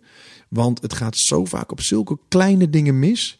Eh, net de verkeerde markt. Technologie was nog niet Net volwassen. als met We doen dat. Roadrunner, dat, eh, de Coyote probeert elke keer wat anders, terwijl die eigenlijk zijn bestaande plan iets moet aanpassen en dan lukt het wel. Ja, maar, maar wel. Ja, dat is vaak hoor. Het, het, gaat, mi- het mislukt vaak op een steentje op de weg. Terwijl als de steentje niet miep. opweegt, dan had hij die Roadrunner te pakken. Echt. Ja, Maar dat is gewoon misschien wel vaker itereren. Dus, maar soms is ook als je het een tijdje laat liggen, weet je wel. Ja. En wat Ja, is- jongens, dat is waar. Dus als je zegt je moet een creatieve cultuur bouwen, je moet eh, bla, bla, bla, veel, fast, veel, weet ik veel. Waar het om gaat is dat je Veel vast, veel offen. Nee, je doet iets, je zet een stap, je ontwerpt iets, je probeert iets, je creëert een beeld van hoe iets zou kunnen worden. En dan ga je erop schieten. Dan ga je het testen, dan ga je het bijschrijven, ga je het uitproberen, ga je het valideren. Challengen. En dan ga je nog een slag maken enzovoort. En dat, enzovoort. dat, en dat wordt volgens mij ook wel eh, het optimaliseren, zeker bij user interface design, is, is over generaties heen eh, een interface verbeteren. Microsoft heeft wel eens gezegd, het, het duurt acht jaar voordat de interface van, van een softwarepakket een beetje is waar je het wil hebben. En ik Nou, denk dat, Snapchat nog zes jaar. ja, om het nog, nog ingewikkelder eh, te krijgen. Nee, maar, maar Nokia deed dat in hun goede dagen. eh, hadden die twee of drie, wat zij noemden user interface paradigms. Een, een, een type user interface. Dat had drie verschillende. En dat stopten ze in, in bijvoorbeeld acht toestellen van één generatie. Dan krijg je dus van acht types feedback. Dat verwerkten ze in een nieuwe versie van het user interface en paradigm. dan lanceren ze. En dan leren ze een nieuwe generatie waar je weer van acht types. En ik denk dat dat het is met user interfaces. Je moet, kijk, je mag best variëren op uiterlijk en dat soort dingen. Daar kun je met de mode mee. Interfaces, die verbetering moet, moet heel lang doorgaan. Tot je op een gegeven moment merkt dat je klem zit. En dan moet je iets radicaals anders gaan doen. En dan moet echt alles uit de kast. Als je echt naar een nieuw paradigma toe moet. Maar het is een soort, soort hele grote sprongen. En dan weer kleine optimalisaties. Ja. Beter maken, beter Ja, maken. hoe krijg je dat binnen één bedrijf voor elkaar? Want er zijn totaal verschillende manieren van naar design kijken, een project oppakken. Wanneer weet je van nou nu ben ik door mijn iteraties heen, ik moet een paradigma shift Maar maken. jij, jij bent ontwerper. Kan ik jou vragen voor beide type projecten? Ja, maar de laatste heeft mijn voorkeur. Wacht even, even voor de goede orde. Want die, die kleine veranderingen, dat is, Ja. het- dat is wel de misvatting vaak. Die kleine veranderingen hebben vaak hele grote effecten. Het gaat om de, vers- eh, de term, ik bedoel- de term ik bedoel- menu of settings Ja. op een afstandsbediening kan een hele afstandsbediening kapot maken. Ehm, dus met optimaliseren, maar wat ik bedoel is, is de grootte van de verandering in het ontwerp. Ehm, maar je hebt misschien wel een punt dat je misschien andere groepen mensen, bijvoorbeeld usability specialisten, zijn heel goed in het identificeren van de problemen binnen een ontwerp. Terwijl als je de, de grote nieuwe stap wil maken, moet je dat misschien niet vragen aan hen om dat neer te leggen, maar wel informatie aan te leveren. Ik merk dat ik heel vaak eh, eh, bij projecten betrokken ben als het intern vastzit. Ja. Dus als er een grotere ingreep nodig is. En dat is heel vaak omdat je eh, uit het optimaliseren in, in de gedachtegang waarin je in Ja, zit niet meer verder komt. doen. En dan Ja. heb je externe input nodig om dingen ter discussie te Ja. stellen. Om nog eens opnieuw te kijken naar waarom doen we dit ook alweer? Hoe kun je daar een slag eh, maken? Maar ja, eh, wat vind jij, wanneer vind jij het interessant, eh, Joost? Wat Nou, zijn ik, jouw vind, ik uitdagingen? vind het interessant als het een grote verbetering of verandering teweeg brengt. Of het nou een kleine ingreep of een groot is, maakt me niet veel uit. Maar ik wil, ik, mijn hart gaat kloppen als ik een probleem weet op te lossen. We hebben het over, over chipkaart gehad. Daar heb ik al heel lang druk over gemaakt. Als je door een kleine ingreep daar een groot resultaat van kan halen, dan ben ik gelukkig. En volgens mij zit daar de, de, de, de crux. En ik, misschien David, heb jij met optimaliseren meer het A-B-testen in je hoofd. Daar ben ik helemaal niet zo voorstander van. Dat klinkt een beetje van we proberen wat, we testen en we zien wel waar het uitkomt. Dus een beetje stuurloos naar links en naar rechts en eigenlijk niet Ja. kunnen kiezen. Maar als je dat goed onderbouwt tot een klein, kleine aanpassing komt, maar je hebt daar wel een, eh, je moet daar een structuur voor hebben. Je moet daar goed, ook een visie voor hebben, zelf voor kleine veranderingen. En dat maakt er volgens mij niet zoveel uit. En, en, en over jouw vraag over die, even over die vuilnisbak. Ik, nee, ik, ik, ja, ik voel me er wel mee op aangesproken. Ehm, kijk, als je een vuilnisbak maakt, moet je sowieso... Ik zeg de vraag van de vraag, je wil een vuilnis eh, Je wil opruimen, je geen wilt geen vuilnis. Je wil uiteindelijk, om een goede vuilnisbak te kunnen maken, heb je een bepaalde input nodig. En wat ik vaak zie bij, bij, bij opdrachten die, die hier binnenkomen, dan komt een vraag binnen. En dan zeg je, nou, dit zijn de randvoorwaarden om überhaupt dit goed te kunnen doen. En dan kom je er vaak achter dat er helemaal niet over nagedacht is. Dat er wel een site, en er is geen strategie. Of er is eigenlijk een, eh, de basis die daaronder ligt is niet goed opgelost. En dan kom je toch vanzelf dieper uit. En dan kan je alsnog zeggen, dit zou de vraag zijn. We kunnen het maken, maar dan eh, weten we nu al dat het gaat En falen. dat is denk ik heel goed. Dat je wel zegt, als we jullie geven waar jullie om vragen, Dan wordt het niks. dan denken we echt dat het niks wordt. Maar, want, wat, maar wat sommige eh, klanten ervaren het ook gewoon als upselling. Als je het niet goed doet. Het wordt ook heel makkelijk gebruikt om de opdracht te Ja, ja, verbreden. Ja, maar vorige week hebben we een ja. opdracht teruggegeven om die reden. Ja? We zagen gewoon dat het niet tot Zo ga ik het niet doen. Nee, zo gaan we het niet doen. Vind Ze heel helpen jou niet mee. Het is hartstikke leuk. Het is misschien zichtbaar, maar het gaat niks worden. Dat weten we nu Nee. al. En dan heb ik er ook geen zin in, moet ik eerlijk zeggen. Om dan alleen maar van, ja, de schoorsteen moet roken. We gaan het project doen en je weet dat het niks wordt. Dan word je doodongelukkig van. Ja. Ja. En dan, dan ga je ook wel heel snel geen goede dingen meer maken. Nee. Maar, ik Maar de- vond, maar de- maar ik wat ik vond wat Joost zegt wel heel interessant. Want hij zei, het, het, het gaat me om het grote effect. En dat is iets wat ontwerpers wat mij betreft veel vaker mogen doen. Want dan kom je bij iets. eh, ik wil dat het effect groot Het gaat heel vaak om radicale innovaties of grote verandering, kleine verandering. Daar gaat het niet om. Het gaat om Wat breng je teweeg? wat breng je teweeg. En juist een grote verbetering met een kleine ingreep is fantastisch. Want dat is vaak slim over nagedacht. Ik merk wel eens dat de afstudeerprojecten van, van studenten eh, bij industrieel ontwerpen in Delft. Daar moet je bij uitleggen waarom, wat er zo slim aan is. Als je naar Design Academy gaat, dan zie je een, een tafel van kaarsvet die af kan branden. Ik noem maar, noem maar een dwarsstraat. En je ziet het concept. Weet je, het is visueel. Je denkt, oh ja, dat is wel geinig bedacht. Want het zijn. En wij moeten juist laten zien dit effect. Dit, ja, je ziet gewoon een videorecorder, maar weet je wel, er was één jongen die had eh, x jaar geleden het binnenwerk van een videorecorder eh, eh, opnieuw ontworpen, waardoor het van, van ongeveer 200 onderdelen naar 38 was gegaan en de montagetijd dus veel kleiner werd. Ja, dat vind ik toffe dingen. Alleen Ja, je moet, absoluut. Ja. het is niet zo zichtbaar. Ja. Ehm, ja, en het, dat is met- minder, het is minder sexy. het is minder sick, met interactieontwerp is het ook af en toe, weet je wel. Dat je de verkeerde kleur van een icoon, waardoor het te veel lijkt op een andere en mensen jou, jouw ding dwars laten liggen. Eh, De verkeerde label, eh, de verkeerde menustructuur, eh, dat soort. Soms kunnen het kleine dingen zijn en soms kunnen het hele grote dingen zijn. BMW iDrive is, is zo beroemd. BMW's raakten steeds voller met knoppen, dus bij BMW zeiden ze, nou weet je wat, we moeten naar een menu-gebaseerd systeem. Ja. En een menu-gebaseerd systeem heeft één vrij groot nadeel. Dat je naar moet kijken. Remmen, remmen, zit dat onder file of zit dat onder... Ja. Nee, je moet maar echt maar eens opzoeken de historie van IDER. Want bijvoorbeeld zelfs de, de, de eh, radiozenders verander je. Maar dan moet je dus op dat scherm kijken. Omdat je geen spiergeheugen kunt Ja, ja, gebruiken. ja. En daar is dus een conceptueel verkeerde keuze gemaakt. Naar mijn mening. Eh, Allereerst om alles daarin onder te brengen. Nu zijn ze, ze hebben het nu een soort van goed gebreid. AB-testing ben ik niet voor, maar als je een radicale stap gaat maken. Je, wil, je weet, we moeten echt een nieuwe interface. Kan het wat mij betreft geen kwaad om eens drie concepten ver uit elkaar te leggen. En, En te alle proberen. drie Ja. met gebruikers te testen. Niet om die welke je gaat kiezen. Nee, maar om daaruit daar- nieuwe ja. inzichten... Ja. En, en dat probeer, het- dus het, is, het gaat en om de details en om de concepten. En dat is het toffe. Met, dat probeer ik mijn studenten ook altijd uit. Want die, die zeggen ook wel, nee, nee, nee, ik wil conceptueel herontwerpen maken. Dan zeg ik, nou ja, weet je, je bent straks afgestudeerd. Ik denk niet dat je de leiding krijgt over het eerstvolgende project dat je gaat draaien. Denk gewoon niet. dat, dat is één. Eh, en twee, zit het hem soms ook echt in de details. En dat moet je ook goed kunnen. Wil je die, wel, als jij alleen maar concepten af kan leveren en, en niet vervolgens met UI-designers. Ja. eh, Je snapt ook niet wat de impact is van details dan. nee, Ja. en, en dan heb je daar geen respect voor. Dan kun je niet met mensen werken. Dan kun je niet met de visual designers werken. Nee. Dan kun je, je moet. Ik heb leren spuitgieten in Delft. Niet, niet dat ze dachten dat ik ooit zou gaan Je moet het spuitgieten. wel snappen. Maar ik moet het snappen. En ze de beste manier om dat te snappen is door het te doen. Dus hier heb je eh, een spuitgietmachine. Ga maar doen. Ja. En ik denk dat dat zo is. Als je conceptueel wil ontwerpen, moet je ook snappen wat de stappen daarna zijn.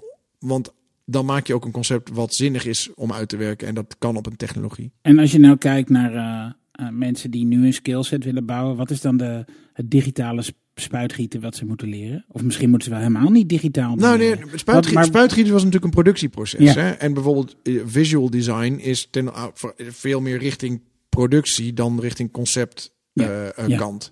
Maar je moet het wel snappen. Je moet snappen de icoonkeuzes, de, alle details, dat dat goed eh, gedaan wordt. En je moet met die mensen kunnen communiceren. Aan de andere kant moet je kunnen communiceren met de mensen die eh, de, de technologische platform waar jij op werkt bouwen. Mhm. Hoe snel is het? Hoeveel kleuren heb ik? Hoeveel weet ik veel? Wat, welke transities zijn er mogelijk? Ja. Ehm, wat zijn de volgende stappen? Welke database hebben we? Hoe snel kan ik een query draaien? Als je dat niet snapt of er een soort gevoel voor hebt, dan, dan ga je iets maken.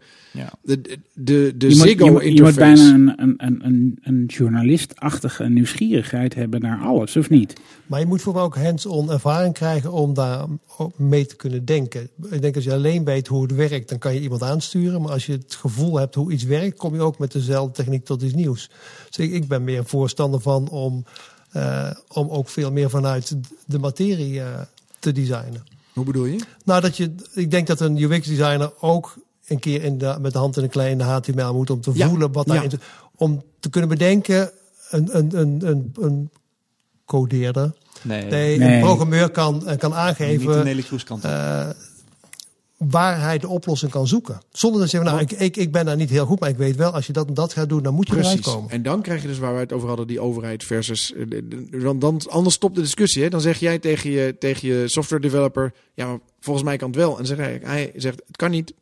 Ja. Klaar. Terwijl ik heb gemerkt dat het heel vaak is. Het kan wel, Ja, maar maar dan wordt mijn software instabiel. Ja, en daar heb ik eigenlijk vandaag geen zin in. Precies. Ja. En dus moet je de, over het hekje van die, van die programmeur heen kunnen kijken en uitleggen waarom niet en waarom wel. En Maar wat nou als we naar die database Ja, gaan? precies. Wat nou Ja. als we die API Ja. pakken? Wat nou als we, wat nou als we, en als, als dan merkt hij ook, oh wacht even, ik kan schakelen. ik heb iemand tegenover me die ook de belangstelling voor heeft, die de waardering voor heeft, en die ik niet helemaal in de luren kan leggen. Nee, ja, dat is het ook gewoon, weet je wel? Tuurlijk. En dat is, het spuitgieten, dat is, de HTML is het spuitgieten van Ja. nu, eh, eh, het productieproces, waarop draaien, en, en, dan moet- en maar, maar ook dus de uitwerking. En de connectie naar analoog, niet alleen digitaal denken. Want we hadden het net over de, Ja. de, de, de, de geprinte boardingpas van KLM. Dat moet ook domein van de UX-designer zijn. Ja, maar dan heb je, dan, Moeten, moeten, moeten. nou, Nou, kijk, het is één geheel. Ja. Het is één geheel. Je, Ja. je ontwerpt het online. Waarom pak je Ja. dat stuk niet Ja. gewoon mee? Dat is gewoon logisch. Dat is één geheel. Heel raar dat je dan discipline voor aan moet brengen. Absoluut. Nee, je zou zeggen dat als je de digitale boarding pass doet of de app doet, dat je dan gelijk ook kijkt welke, welke kanalen zijn er nog meer die hetzelfde doen. Ja. Dat vind ik heel Ja, wie die onlogisch. hetzelfde probleem oplossen. Die hetzelfde probleem Ja. oplossen. En, en wat ik nu te vaak zie is dat, tenminste dat meen ik te zien, is dat, dat we denken, oh alles wordt toch digitaal, dus laat die analoge shit maar zitten. Is toch, ja. Ja, dat-. Maar dat, heeft ook te maken met, ehm, denk ik, dat eh, er is een eh, verschil tussen problemen identificeren en de teams die ze op moeten lossen. En ik, ik, dus te vaak eh, wordt de oplossing bij het uitvoerende team gemaakt. En je zou natuurlijk best wel snel eh, hoog over een scan kunnen maken van waar zitten nou issues. En dan kan je print wel meenemen en dan kunnen printmensen binnen, de, binnen die input dat heel goed oplossen. Het begint veel meer met zet je dat nog op de kaart. Of, of dat proces van die knelpunten vinden in zo'n, in zo'n gebruikerservaring of zo'n gebruikersflow. Wie is daar eigenlijk verantwoordelijk voor? Ja, en je kunt ook afvragen of die, dat knelpunt van die bijvoorbeeld zo'n self-print boarding pass heel zichtbaar is. Ik Ja. bedoel, ik ben er nogal sensitief voor en ik word gewoon pissig omdat ik denk, ja, dit is gewoon een pdf. Dat kan gewoon heel makkelijk. van de tien mensen. Het werkt ook. Hè? Je print hem uit, je komt er, je komt ermee door de douane. Het Ja. vervult alle functies. Ja. Het kan beter. Maar Ja. het is niet het urgentste probleem. Wat Nee, dus ik snap ook wel weer dat er dingen blijven liggen als je wel ondertussen nog je website ergens uit elkaar flikkert en, en, en dat soort dingen. Dus en ik vraag jij, waar, waar, wat mijn onderzoek tijdens mijn promotie was, was de stelling: oké, slecht gebruiksgemak in een product, eh, dat moet ergens vandaan komen. Dus laten we gaan kijken in productontwikkelingsprocessen waar het misgaat. En als je kijkt naar de, de, de redenen van user-centered design, de principes, dat is altijd nou, front-end user research, vroeg prototypen en dan vroeg testen en dan itereren en Mhm. dan, dan komt het goed. Ik dacht toen ik begon dat het een kennisprobleem was. Dat, dat ze niet genoeg wisten van gebruikers of niet genoeg testen. Maar het bleek heel vaak een implementatieprobleem te zijn. Het is te laat, de, de, de, de injection molding is al gedaan, Ah ja. et cetera. Maar dit soort dingen als zo'n K, bij elk product dat ik zie, denk ik, wat gebeurt er aan de achterkant? Want als er Ja. iets niet klopt aan het product, zit er altijd iets Ja. mis in de Ja, organisatie. Ehm, en dan, of er wordt te veel gewerkt in silo's, of er staat iets niet op de radar, of er wordt. En dat, dat fascineert mij ook bij die OV-chipkaart, wat echt multi-multi-stakeholder is. Daar zitten 14 overheden in. Ja. 14 overheden. Ehm, en dan 12 vervoerders. Dan moet Translink moet daar een backbone voor maken. Nee, dat is een speelveld waar je niet goed van wordt. Ehm, dat is wel heel interessant. En, en dat heb ik bij alles. Hoe kun je een, een bedrijf zo organiseren? Niet alleen het proces. Je moet namelijk niet. Het gaat niet om user-centered design. Het gaat. Ik, ik, in het Engels zeg ik altijd being user-centered. Het Mhm. gaat om het zijn Mhm, in alles. mhm. De- dat iedereen uitkijkt naar die mogelijkheden van verbetering. Dat een stewardess, als zij terugkomt met een suggestie, dat Ik je heb daar iets naar bedacht. luistert. Als we nou eens. Kunnen jullie daar niet iets voor? En dat dat Ja. door iedereen wordt gewaardeerd en opgepikt. eh, en, en dat mensen daar ook open voor staan. Ik denk dat dat heel belangrijk is. Nou. Ehm, dan gingen we het nu nog over, over raketten hebben. Hoeft niet. Nee, nee, leuk. Vind ik leuk. Oh nee, Bax. en de bank gingen we het ook nog over hebben. Nog heel even. Want Nee. ik, vind, ik, ik, ik vind het super. Dit doen. ehm, ehm, ehm, ik denk dat je ook een boek gaat schrijven over hoe die bedrijven zich dan moeten organiseren. En anders moet je dat zeker doen. Dat is het plan. Ik heb, nu komt eerst... Komt, Serieus? Ja, ja, Oh, ja nee. ik gokte maar wat, maar wat Nee, leuk. nee, nee. nee. Ik, er komt nu komt een boek, Hoe moeilijk kan het zijn? Van, de, van, bij, van die columns bij de Volkskrant. Die heb ik allemaal herschreven. En, en eh, die komt dan, eh even kijken, gaan we uit mijn hoofd, 14 oktober lanceren in Pakhuizen Zwijger. Gaan we een avond doen. En met een live helpdesk van Van Berlo, Fabriek Oh, en Flex. Oh. Dus dat eh, Mag, mogen mag mensen... Spiekerman niet meedoen? Ja, dit waren toevallig bureaus. Die oké. ik eh, op dat moment... eh, Ja, maar het kan ja. niet anders. Nee. Nee, ehm, maar je mag dus je slechte product mee, meenemen. En Oh, dan ja. wordt het ter plekke Live wordt het gere- wordt het leuk, En dan wordt het eh, wel op zo'n eh, plakding gedaan. En dan mee. En, eh, z- ja. Dus, Leuk. Eh, maar het idee voor een boek daarna is, is eh, ja, being user-centered. Om dat echt te gaan schrijven. Maar niet voor een breder publiek dan alleen ontwerpers. Dus ik streef een beetje naar Ja, wij juist. zijn ons brein. Ja. Eh, mijn, mijn, wat ik altijd voor me zie is dat iemand die werkt bij de gemeente Amsterdam, bij wijze van spreken, het boek in een boekhandel ziet liggen en denkt: Daar kan ik wat mee. Nou, die denkt, oh, dat lijkt me wel interessant. Ja. En het dan leest, het leuk vindt en daarna denkt, oh, maar dit, dit werkt ook voor mij. Want de principes van, van gebruiksgericht ontwerpen, die passen in zoveel dingen. Dat past, past in communicatieontwerp. Een beetje op de manier zoals Osterwalder strategie toegankelijk gemaakt heeft voor een hele grote groep. Ja, ja dat, is- dat op zich, maar dat is nog echt professionals. Zeker. Maar ik zou, wij zijn ons brein. Dat, dat, dat, wel, dat, het- dat je het ja. echt leuk vindt om te lezen. Omdat het, een, een- ik merk nu met die columns in de Volkskrant, zeggen mensen, jij zet mij een bril op, waardoor ik nu anders naar producten kijk. En, naar, en, dat vind ik leuk om te doen. Ja. Dus dat boek wat je het over hebt, maar dat is een lange termijn ding hoor. Er moet Ik eerst een aantal me, ik verheug me er wetenschappelijke... nu op. Nou, laten we ronden we het promothierondje even af. Wanneer kunnen mensen nog naar je voorstelling komen kijken? Eh, ehm, eh, 23 september begin ik weer te spelen in Amsterdam. eh, in de Meervaart. Eh, Kijk. begint het seizoen. En voor de rest staat er een speellijst op jaspervankuik.nl. Nou, fijn. Eh Nee, Renier. je moet een Twitter-adres en een Facebookpagina. Eh, Jawel, Mensen kunnen heel goed een vinkje googlen. moesten we het hebben. Oh ja, oeh, oeh, oeh. Want David en ik hebben allebei een vinkje aangevraagd, maar we hebben het niet gekregen. En dan heb jij, eh, jij hebt bijvoorbeeld een Wikipedia-pagina. Dat is- onderscheid je al wel van ons. Ik heb wel een Wikipedia-mention, maar niet een eigen pagina. Oké. Eh, Wat heb je ingestuurd allemaal naar Twitter om dit... eh, dat is heel Ehm, interessant voor de luisteraar. Iedereen wil Eh, zo'n de- vraag worden. is waarom? Ja, Natuurlijk, dat ja, is ja. überhaupt. Ijdelheid. Dat Omdat zo. het kan. Of- nee, ja. ik, ik was echt Kan benieuwd. proberen of je er doorheen komt. Nee, eigenlijk omdat ik zag staan dat Janus Keller zei... eh, Twitter, waarom krijg ik geen vinkje? En toen dacht ik, oh, dat kan ik beter. nou, Janus, je hoort het. Nee, ja, volgens mij eh, hebben ze... Hebben ze om, het boek kwam eraan. Dus ik wilde, er zijn wel meerdere Jasper van Kuiks. Dus ik vind het dan prettig Oké. als je dan als eerste daarop Dat terecht geeft ze ook komt. als een reden van eh, als je wordt nagedaan of zo, hè, dan dan. Nee, nagedaan of als er over wie de echte is. wie- ja, nou ja, dat. Maar die andere Jasper van Kuik is ook de echte Jasper van Kuik. Het is ook de echte Jasper Ja. van Kuik. Eh, dus dus dat, dat is het niet. Maar ik heb gewoon ja, aangegeven, eh, ik treed op, ik schrijf boek, eh, ik, ik doe columns. Ja. Hier, hier, ik besta, eh, televisie, kijk, uitgezonden. En toen zei ze, oké. Ja. Maar Ja, dat, dat is volgens dat mij, en het was voor mij meer kijk, kijken of het kan. Ja, Ja, dat ja, was ja. bij mij ook. Eh, ja, nou ja, het is een er soort... zijn soort- rangen en standen en hier, we zijn er nog dus ik hoop niet dat ze meeluisteren bij Twitter. Want dan, jij hebt een, jij hebt een TED-talk gedaan. Ik durf niet afgewezen Nee. te worden.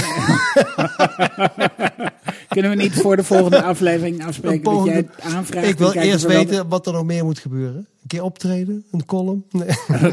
Ja, wat heel vervelend is dat je daarna wel allemaal mensen die volgen, ook mensen met vinkjes, die gaan ze dan. Ik kreeg ineens 30 volgaccounts die mij helemaal niet kenden in het Engels. Oh ja. en, en de, de, de, de de, vinkvolgers. de vinkvolgers Ja. of zo. Ik weet niet wat. Vinkbot. De luistervinken. Vinkbots. Nee, oké, heel kort over die raketten dan. Want er is een raket opgeblazen van Ja. Elon Musk. Ja. En ik vroeg me gelijk af, wie betaalt dat? Want hoe zit dat? Wie, wie is er een verzekering voor? En Maar er was een bedrijf die had zijn satelliet meegestuurd, die nu. Facebook.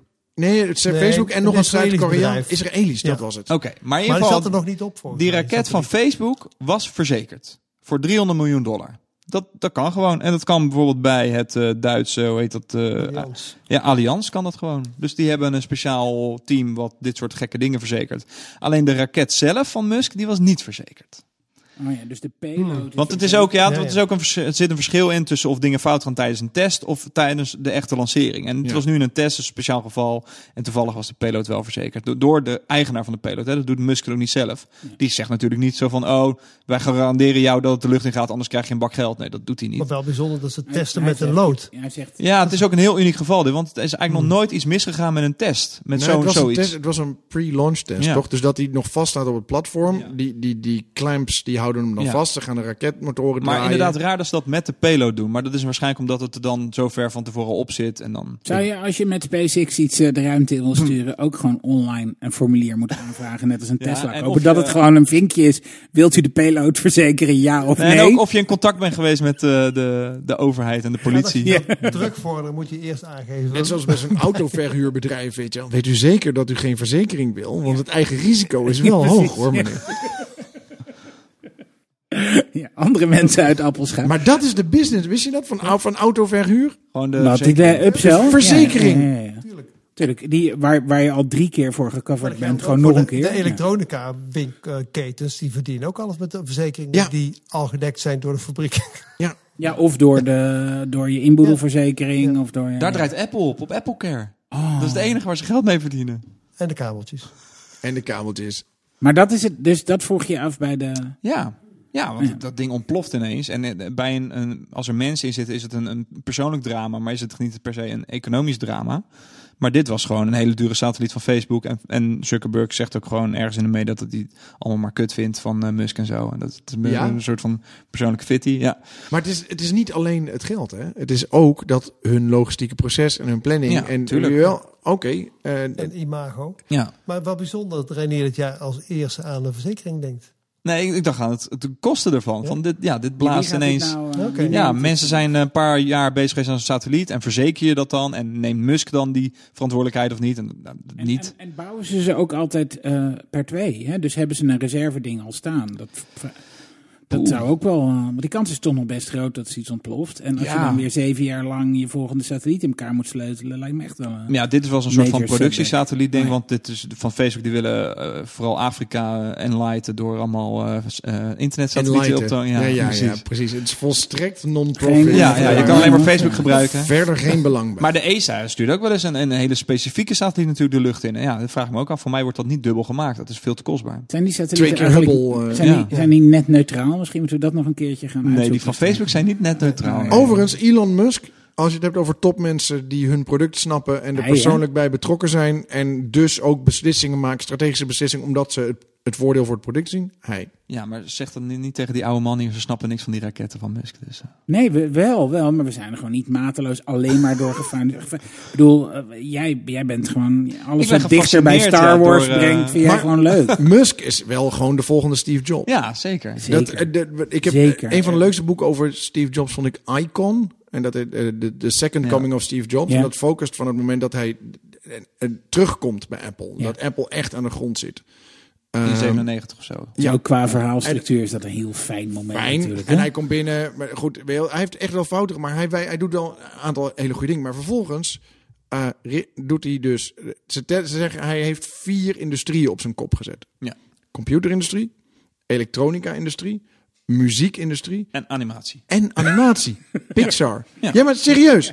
En Musk, en, en als je het hebt over innoveren, dat je het ziet.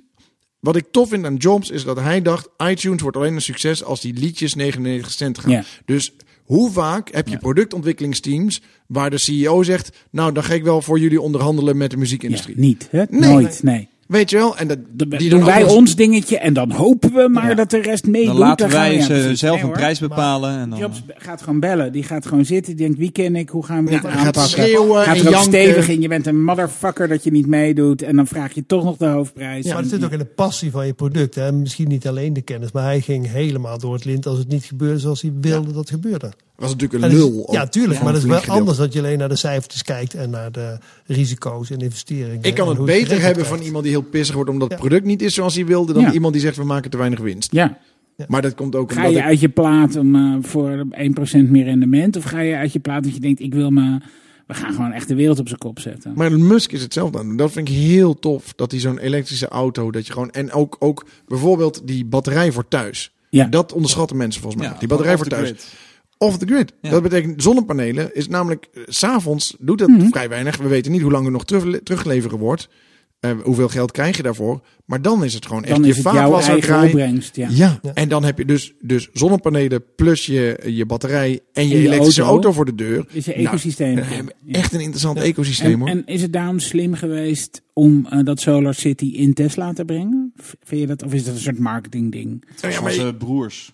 Was al van hem. Jawel, maar nu is het dan één. Ja. ik snap, ik, ik weet niet of het financieel slim was en Nee. hoe ver ze waren met ontwikkeling en of je dat extern in had kunnen kopen. Dus wat dat betreft niet. Maar ik snap dat je dat, dat over dat ecosysteem controle wil hebben. Er wordt wel eens gezegd, eh, componenten moet je gewoon inkopen. Weet je wel? Kom- Maar dit zijn, dit zijn componenten die zich nog heel snel ontwikkelen. En Apple doet het ook. Die maakt ook heel veel componenten zelf. Ja. Die zien gewoon daar de waarde van. Vol- Zijn volgens mij chips is, eh, want, ja, dat is wel, dat is natuurlijk. Dat de- doet Musk nu ook. Ja, dat is de meesterzet van het Apple na Steve Jobs bijna. Is gewoon bedenken, wat moeten we echt zelf doen? Nou, dat deed Jobs En wat ook kunnen we... wel. Ja, was Jobs Jobs was helemaal al. wars van die externe Ja. partij. Want Ja. die zag met, toen Microsoft, toen, zo, toen zo diep zat, hadden ze ineens Microsoft nodig. Die hadden een soort van deal gemaakt dat ze Office op de Mac zouden uitbrengen in 97, 98. En dat werkte. Dat werkte, maar hij was er wel afhankelijk van op dat moment. Internet Explorer moest op de Mac gebracht worden. Dat was de grootste browser. En dan met Safari heeft hij dat weer afgekabbeld. De ro- wel, wat was dat? Die Motorola iTunes phone. Dat Ja, was mij Razer. De Razer. dat was volgens mij zijn dieptepunt. Ja. En dat hij toen Ja. bedacht heeft. Nee, eh, Rocker. Niet Rakker. de rocker, Rocker het. rocker, ja. Och, Ja, jongens, jongens, jongens. Oh, ja. Toen dacht iedereen, er komt een Apple-telefoon aan. Toen stond hij op het podium met een of ander garen inderdaad. eh. Weet je, weet je wat ook een leuke hobby is?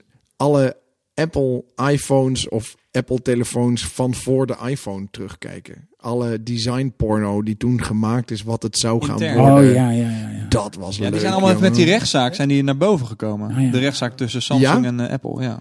Weet je Dat, wat dat is je- wel tof, hè? Er zijn twee collega's van mij geciteerd in die Amicus brief. Oh ja, echt Ja, waar? ja, dat Ja. zei eh, Janus ook Ja, al. Janus, die, Ik weet niet of dat eh, in de podcast heeft er buiten. Nee, dat was er buiten. Ja. Rut Mugg en Jans Hormans. Een conferentieartikel ook. Maar ik Ja. vind het terecht, die Amicus brief, de support, dat, Ja. dat je design, Is de onderscheidende factor. innovaties, Ja, ja. ook, nee, maar dat je die ook moet, dat daar, dat, dat daar waarde in zit. Ja. Eh, want dat is ook, Apple heeft natuurlijk geprobeerd om toen die, die grafische user interface te patenteren. Dit is heel moeilijk. Het probleem met user interface design, goed UI design, interaction design, is dat, dat je, als je het ziet, denk je, ja, maar natuurlijk werkt Ja. het zo. Je had het net over open deuren bij, bij de uh, OV-chipkaart en lampjes. Maar pas als je het. Eigenlijk is het een heel slecht ontwerp. Als dat je het ziet dat je denkt. Nee, natuurlijk werkt het. Als jij denkt, ja, maar waarom werkt het zo? Dan is het geen goed ontwerp. Maar, dat, dat, maar achteraf dan denkt iedereen, ja, maar dat is toch logisch dat je hierop uitkomt. Maar degene, het stomme is, soms degene die erop uitkomt, heeft er bijna geen moeite voor gedaan. En in dat geval is dat patent misschien een beetje, Ja. beetje makkelijk verdiend. En in andere gevallen kost het gewoon heel veel tijd en moeite. En, en, dus ik ben benieuwd wat hieruit gaat komen. Dit is voor de designindustrie wel echt belangrijk eh, ding. En ik moet zeggen dat ik het Apple, ik vind het aan de ene kant klootzak en aan de andere kant fascinerend. Iets meer gun dan Samsung. Die toch, die beginnen nu wel zelf dingen te doen en beginnen volwassen te worden. Maar ze zijn natuurlijk volledig in de slipstream van Apple. Ja. ja. Nou, jongens, eh, en daarmee zijn we rond. En eh, morgen eh, gaan we wat zien. Ik ga in elk geval hopelijk. Ik, ik moet naar Ga jij live zitten? Ik moet morgen naar Londen op en neer. Dus ik ga wat jij beschreef. Ik doe dat nou met de trein. Daar, daar red je niet in, op één dag heen en weer. Dat red je wel goed met het vliegtuig. Ja. Dus dat ga ik heen en weer doen. En dan op de terugweg begint die keynote. En ga ik me waarschijnlijk heel erg ergeren dat ik ergens of geen wifi of wat dan ook heb om dat te kunnen Maar zien. sorry, je geen, zijn in Londen? Ja. Dat is 4,5 uur Wat? Met de trein. Ja, maar het is eh, twee uur met het vliegtuig. Ja, maar niet met voor- en natransport. Ja, als je, als je er echt heel goed in wordt en je organiseert dat. Want je moet ook nog naar de trein. dat is, en, Daar want ben ik benieuwd. Wij doen het best vaak. En Doe we jij nu timing? Gewoon, ik, ik zal morgen nog even klokken over eh, van deur tot deur. Je hebt hem ook daarom wel eens gemist. en dan, eh, dan tweet ik je dat aan het einde van de dag. Dat is heel fijn. terug. Zullen we Ja, dat doen? Dat is een goede deal. Oké, dit was eh, eh, eh, Glitch voor deze keer. Dank je wel. Ehm, ik vond het echt een ontzettend leuk eh, gesprek, Jasper. Eh, We hebben weer genoten. En eh, eh, het heerlijk om eh, met iemand die ook overal een mening over heeft.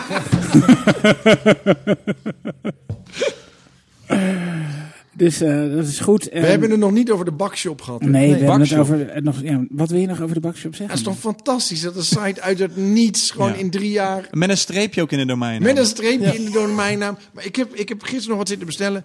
En het voelt ook gewoon Misschien, want goed. even, de, de bakshop is, wat verkopen ze? muziekinstrumenten, Ja, eh, alles met audio, audio. alles Ja, met audio. De microfoons waar je nu eh, doorheen, waar je ons door hoort, zijn Ja. gekocht in de bakshop. Ja, Geen zeker. sponsor, nog niet, kan nog. Nee. Nou, ze zijn begonnen in Zeeland met een megastore. Eh mijn zoon is helemaal fan, dus die is wel eens geweest. Die, die verzuipt erin.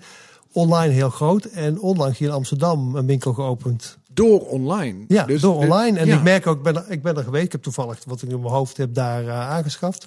En dan merk je toch nog weer de meerwaarde en de manier waarop dat online en offline samenwerkt. Want daardoor, als je het gaat vergelijken, kom je toch net weer wat duurder uit dan je online had bedacht. Heel slim. dat Maar je bent wel super tevreden. het werkt super goed samen, want ze hebben daar de manier om te kopen is ook een heel groot scherm met de bakshop online. Daar zoek je het uit en je kan ter plekke eh, de boel. eh Een soort kijkshop. Ja, bijna kijkshopgevoel. Maar je wordt wel het lekker maken van, van de winkel zelf. Fysieke Zit dingen. erin hoor, want dat Ja. merk je wel. Ja, Tof. echt heel tof. Ja, je die- wat- nog iets po- echt iets mega positiefs? als een, als een sponsorboodschap. Nee, ik, dit. ja, maar ik, ja, ja, dat kan. Het had ik het kunnen zijn bakshop. Jullie mogen alsnog geld naar ons overmaken. Nee, maar we moeten niet gewoon als een Nee. nee. maar het is echt, het is toch echt leuk, cool blue. Word ik Ja. ook, laten we die Ja, ook ja, nog ja, even ja, ja, die noemen. hebben we al zo vaak genoemd. Nee, maar, Ja? dat, maar, Ja. dat- maar dat vind ik nou, dat, dit- wat ik echt heel erg interessant vind, is eh Coolblue eh, kent het belang van die niche. Die kunnen verkopen van allerhande producten kunnen ze monitoren. Het was voor hun heel weinig moeite geweest om instrumentenwinkel.nl aan hun domeinen toe te voegen. En zeg maar dat hele assortiment van de bakshop gewoon hap ook nee, te gaan nee, verkopen. nee, het is te specifiek zit volgens mij. Er zit kennis in. er zit wel overlap Ja. hoor. Want bij, bij de bakshop koop je een koptelefoon, maar bij Coolblue net zo makkelijk. Ja, koptelefoon, Ja. maar niet een mengpaneeltje of een eh, USB MIDI Ja, keyboard of een. eh, Het grappige, dit is echt een niche, want ook de, dat merk je aan het bedrijf als je daar belt. eh, ze hebben daar verstand van zaken. En dat natuurlijk bij, bij Ja. Coolblue kan het op een gegeven moment niet meer. Je hebt Mijn licht- en geluidstechnicus koopt dingen bij de bakshop. Toen wij nieuwe armaturen nodig hadden die ze nergens hadden, zei hij: hey, kijk even bij bakshop en daar hadden ze ze. Ik heb En ook het- wel op Twitter best wel wel een paar keer met ze gecommuniceerd van... joh, ik heb iets nodig en ik, dit heeft ongeveer de specificaties. Wat moet ik nou bij jullie kopen? Wat is nou welke itempje, welke URL moet ik nou hebben om dat te kopen? Ik heb een. We moeten gewoon iemand van Bakshop vragen. Ja. Want ik wil eigenlijk met hun dat afpellen en bedenken. En hoe Dat is het is nou leuk, goed. Gaan we en, doen, eh, hè? en dan ga ik podcast luisteren. Nou, is goed. Eindelijk. Ik zeg eh, genoeg mooie voornemens. Eh, dit was Glitch. Ehm, ik ga zo even de aftiteling apart opnemen. Want die heb ik niet uitgeschreven voor me. Wat amateurist. Ja, sorry. Maar ik doe het gelijk nog even. Dit was Glitch, een podcast over de interactie tussen mens en machine. Vond je het leuk? Abonneer je op Soundcloud of daar waar Abraham de podcast haalt. En laat het je vrienden weten via Facebook of Twitter. Een review in de iTunes Store vinden we ook altijd heel fijn, echt waar. Onze gast van vandaag was Jasper van Kuik. Voor meer informatie over zijn boek of over zijn cabaretprogramma kijk je op jaspervankuik.nl. Deze keer werden we gesponsord door Eden Spiekerman. Wil je met 20% korting naar de Service Design Days in Barcelona? Ga dan naar servicedesigndays.com en gebruik de kortingscode ES@SDD 2016. Eden Spiekerman ES at SDD 2016. Wil je ook adverteren of Glitch sponsoren? Stuur een mail naar redactie.glitch.show. En dat is ook het adres voor suggesties, opmerkingen en andere feedback. Vinden we super om te horen. Glitch wordt gemaakt door Joost Holthuis, Reinier Ladan en David Linsen. De cover art was van Linda Tetero en de muziek van Big Orange Music. Dank jullie wel en over ongeveer twee weken dan zijn.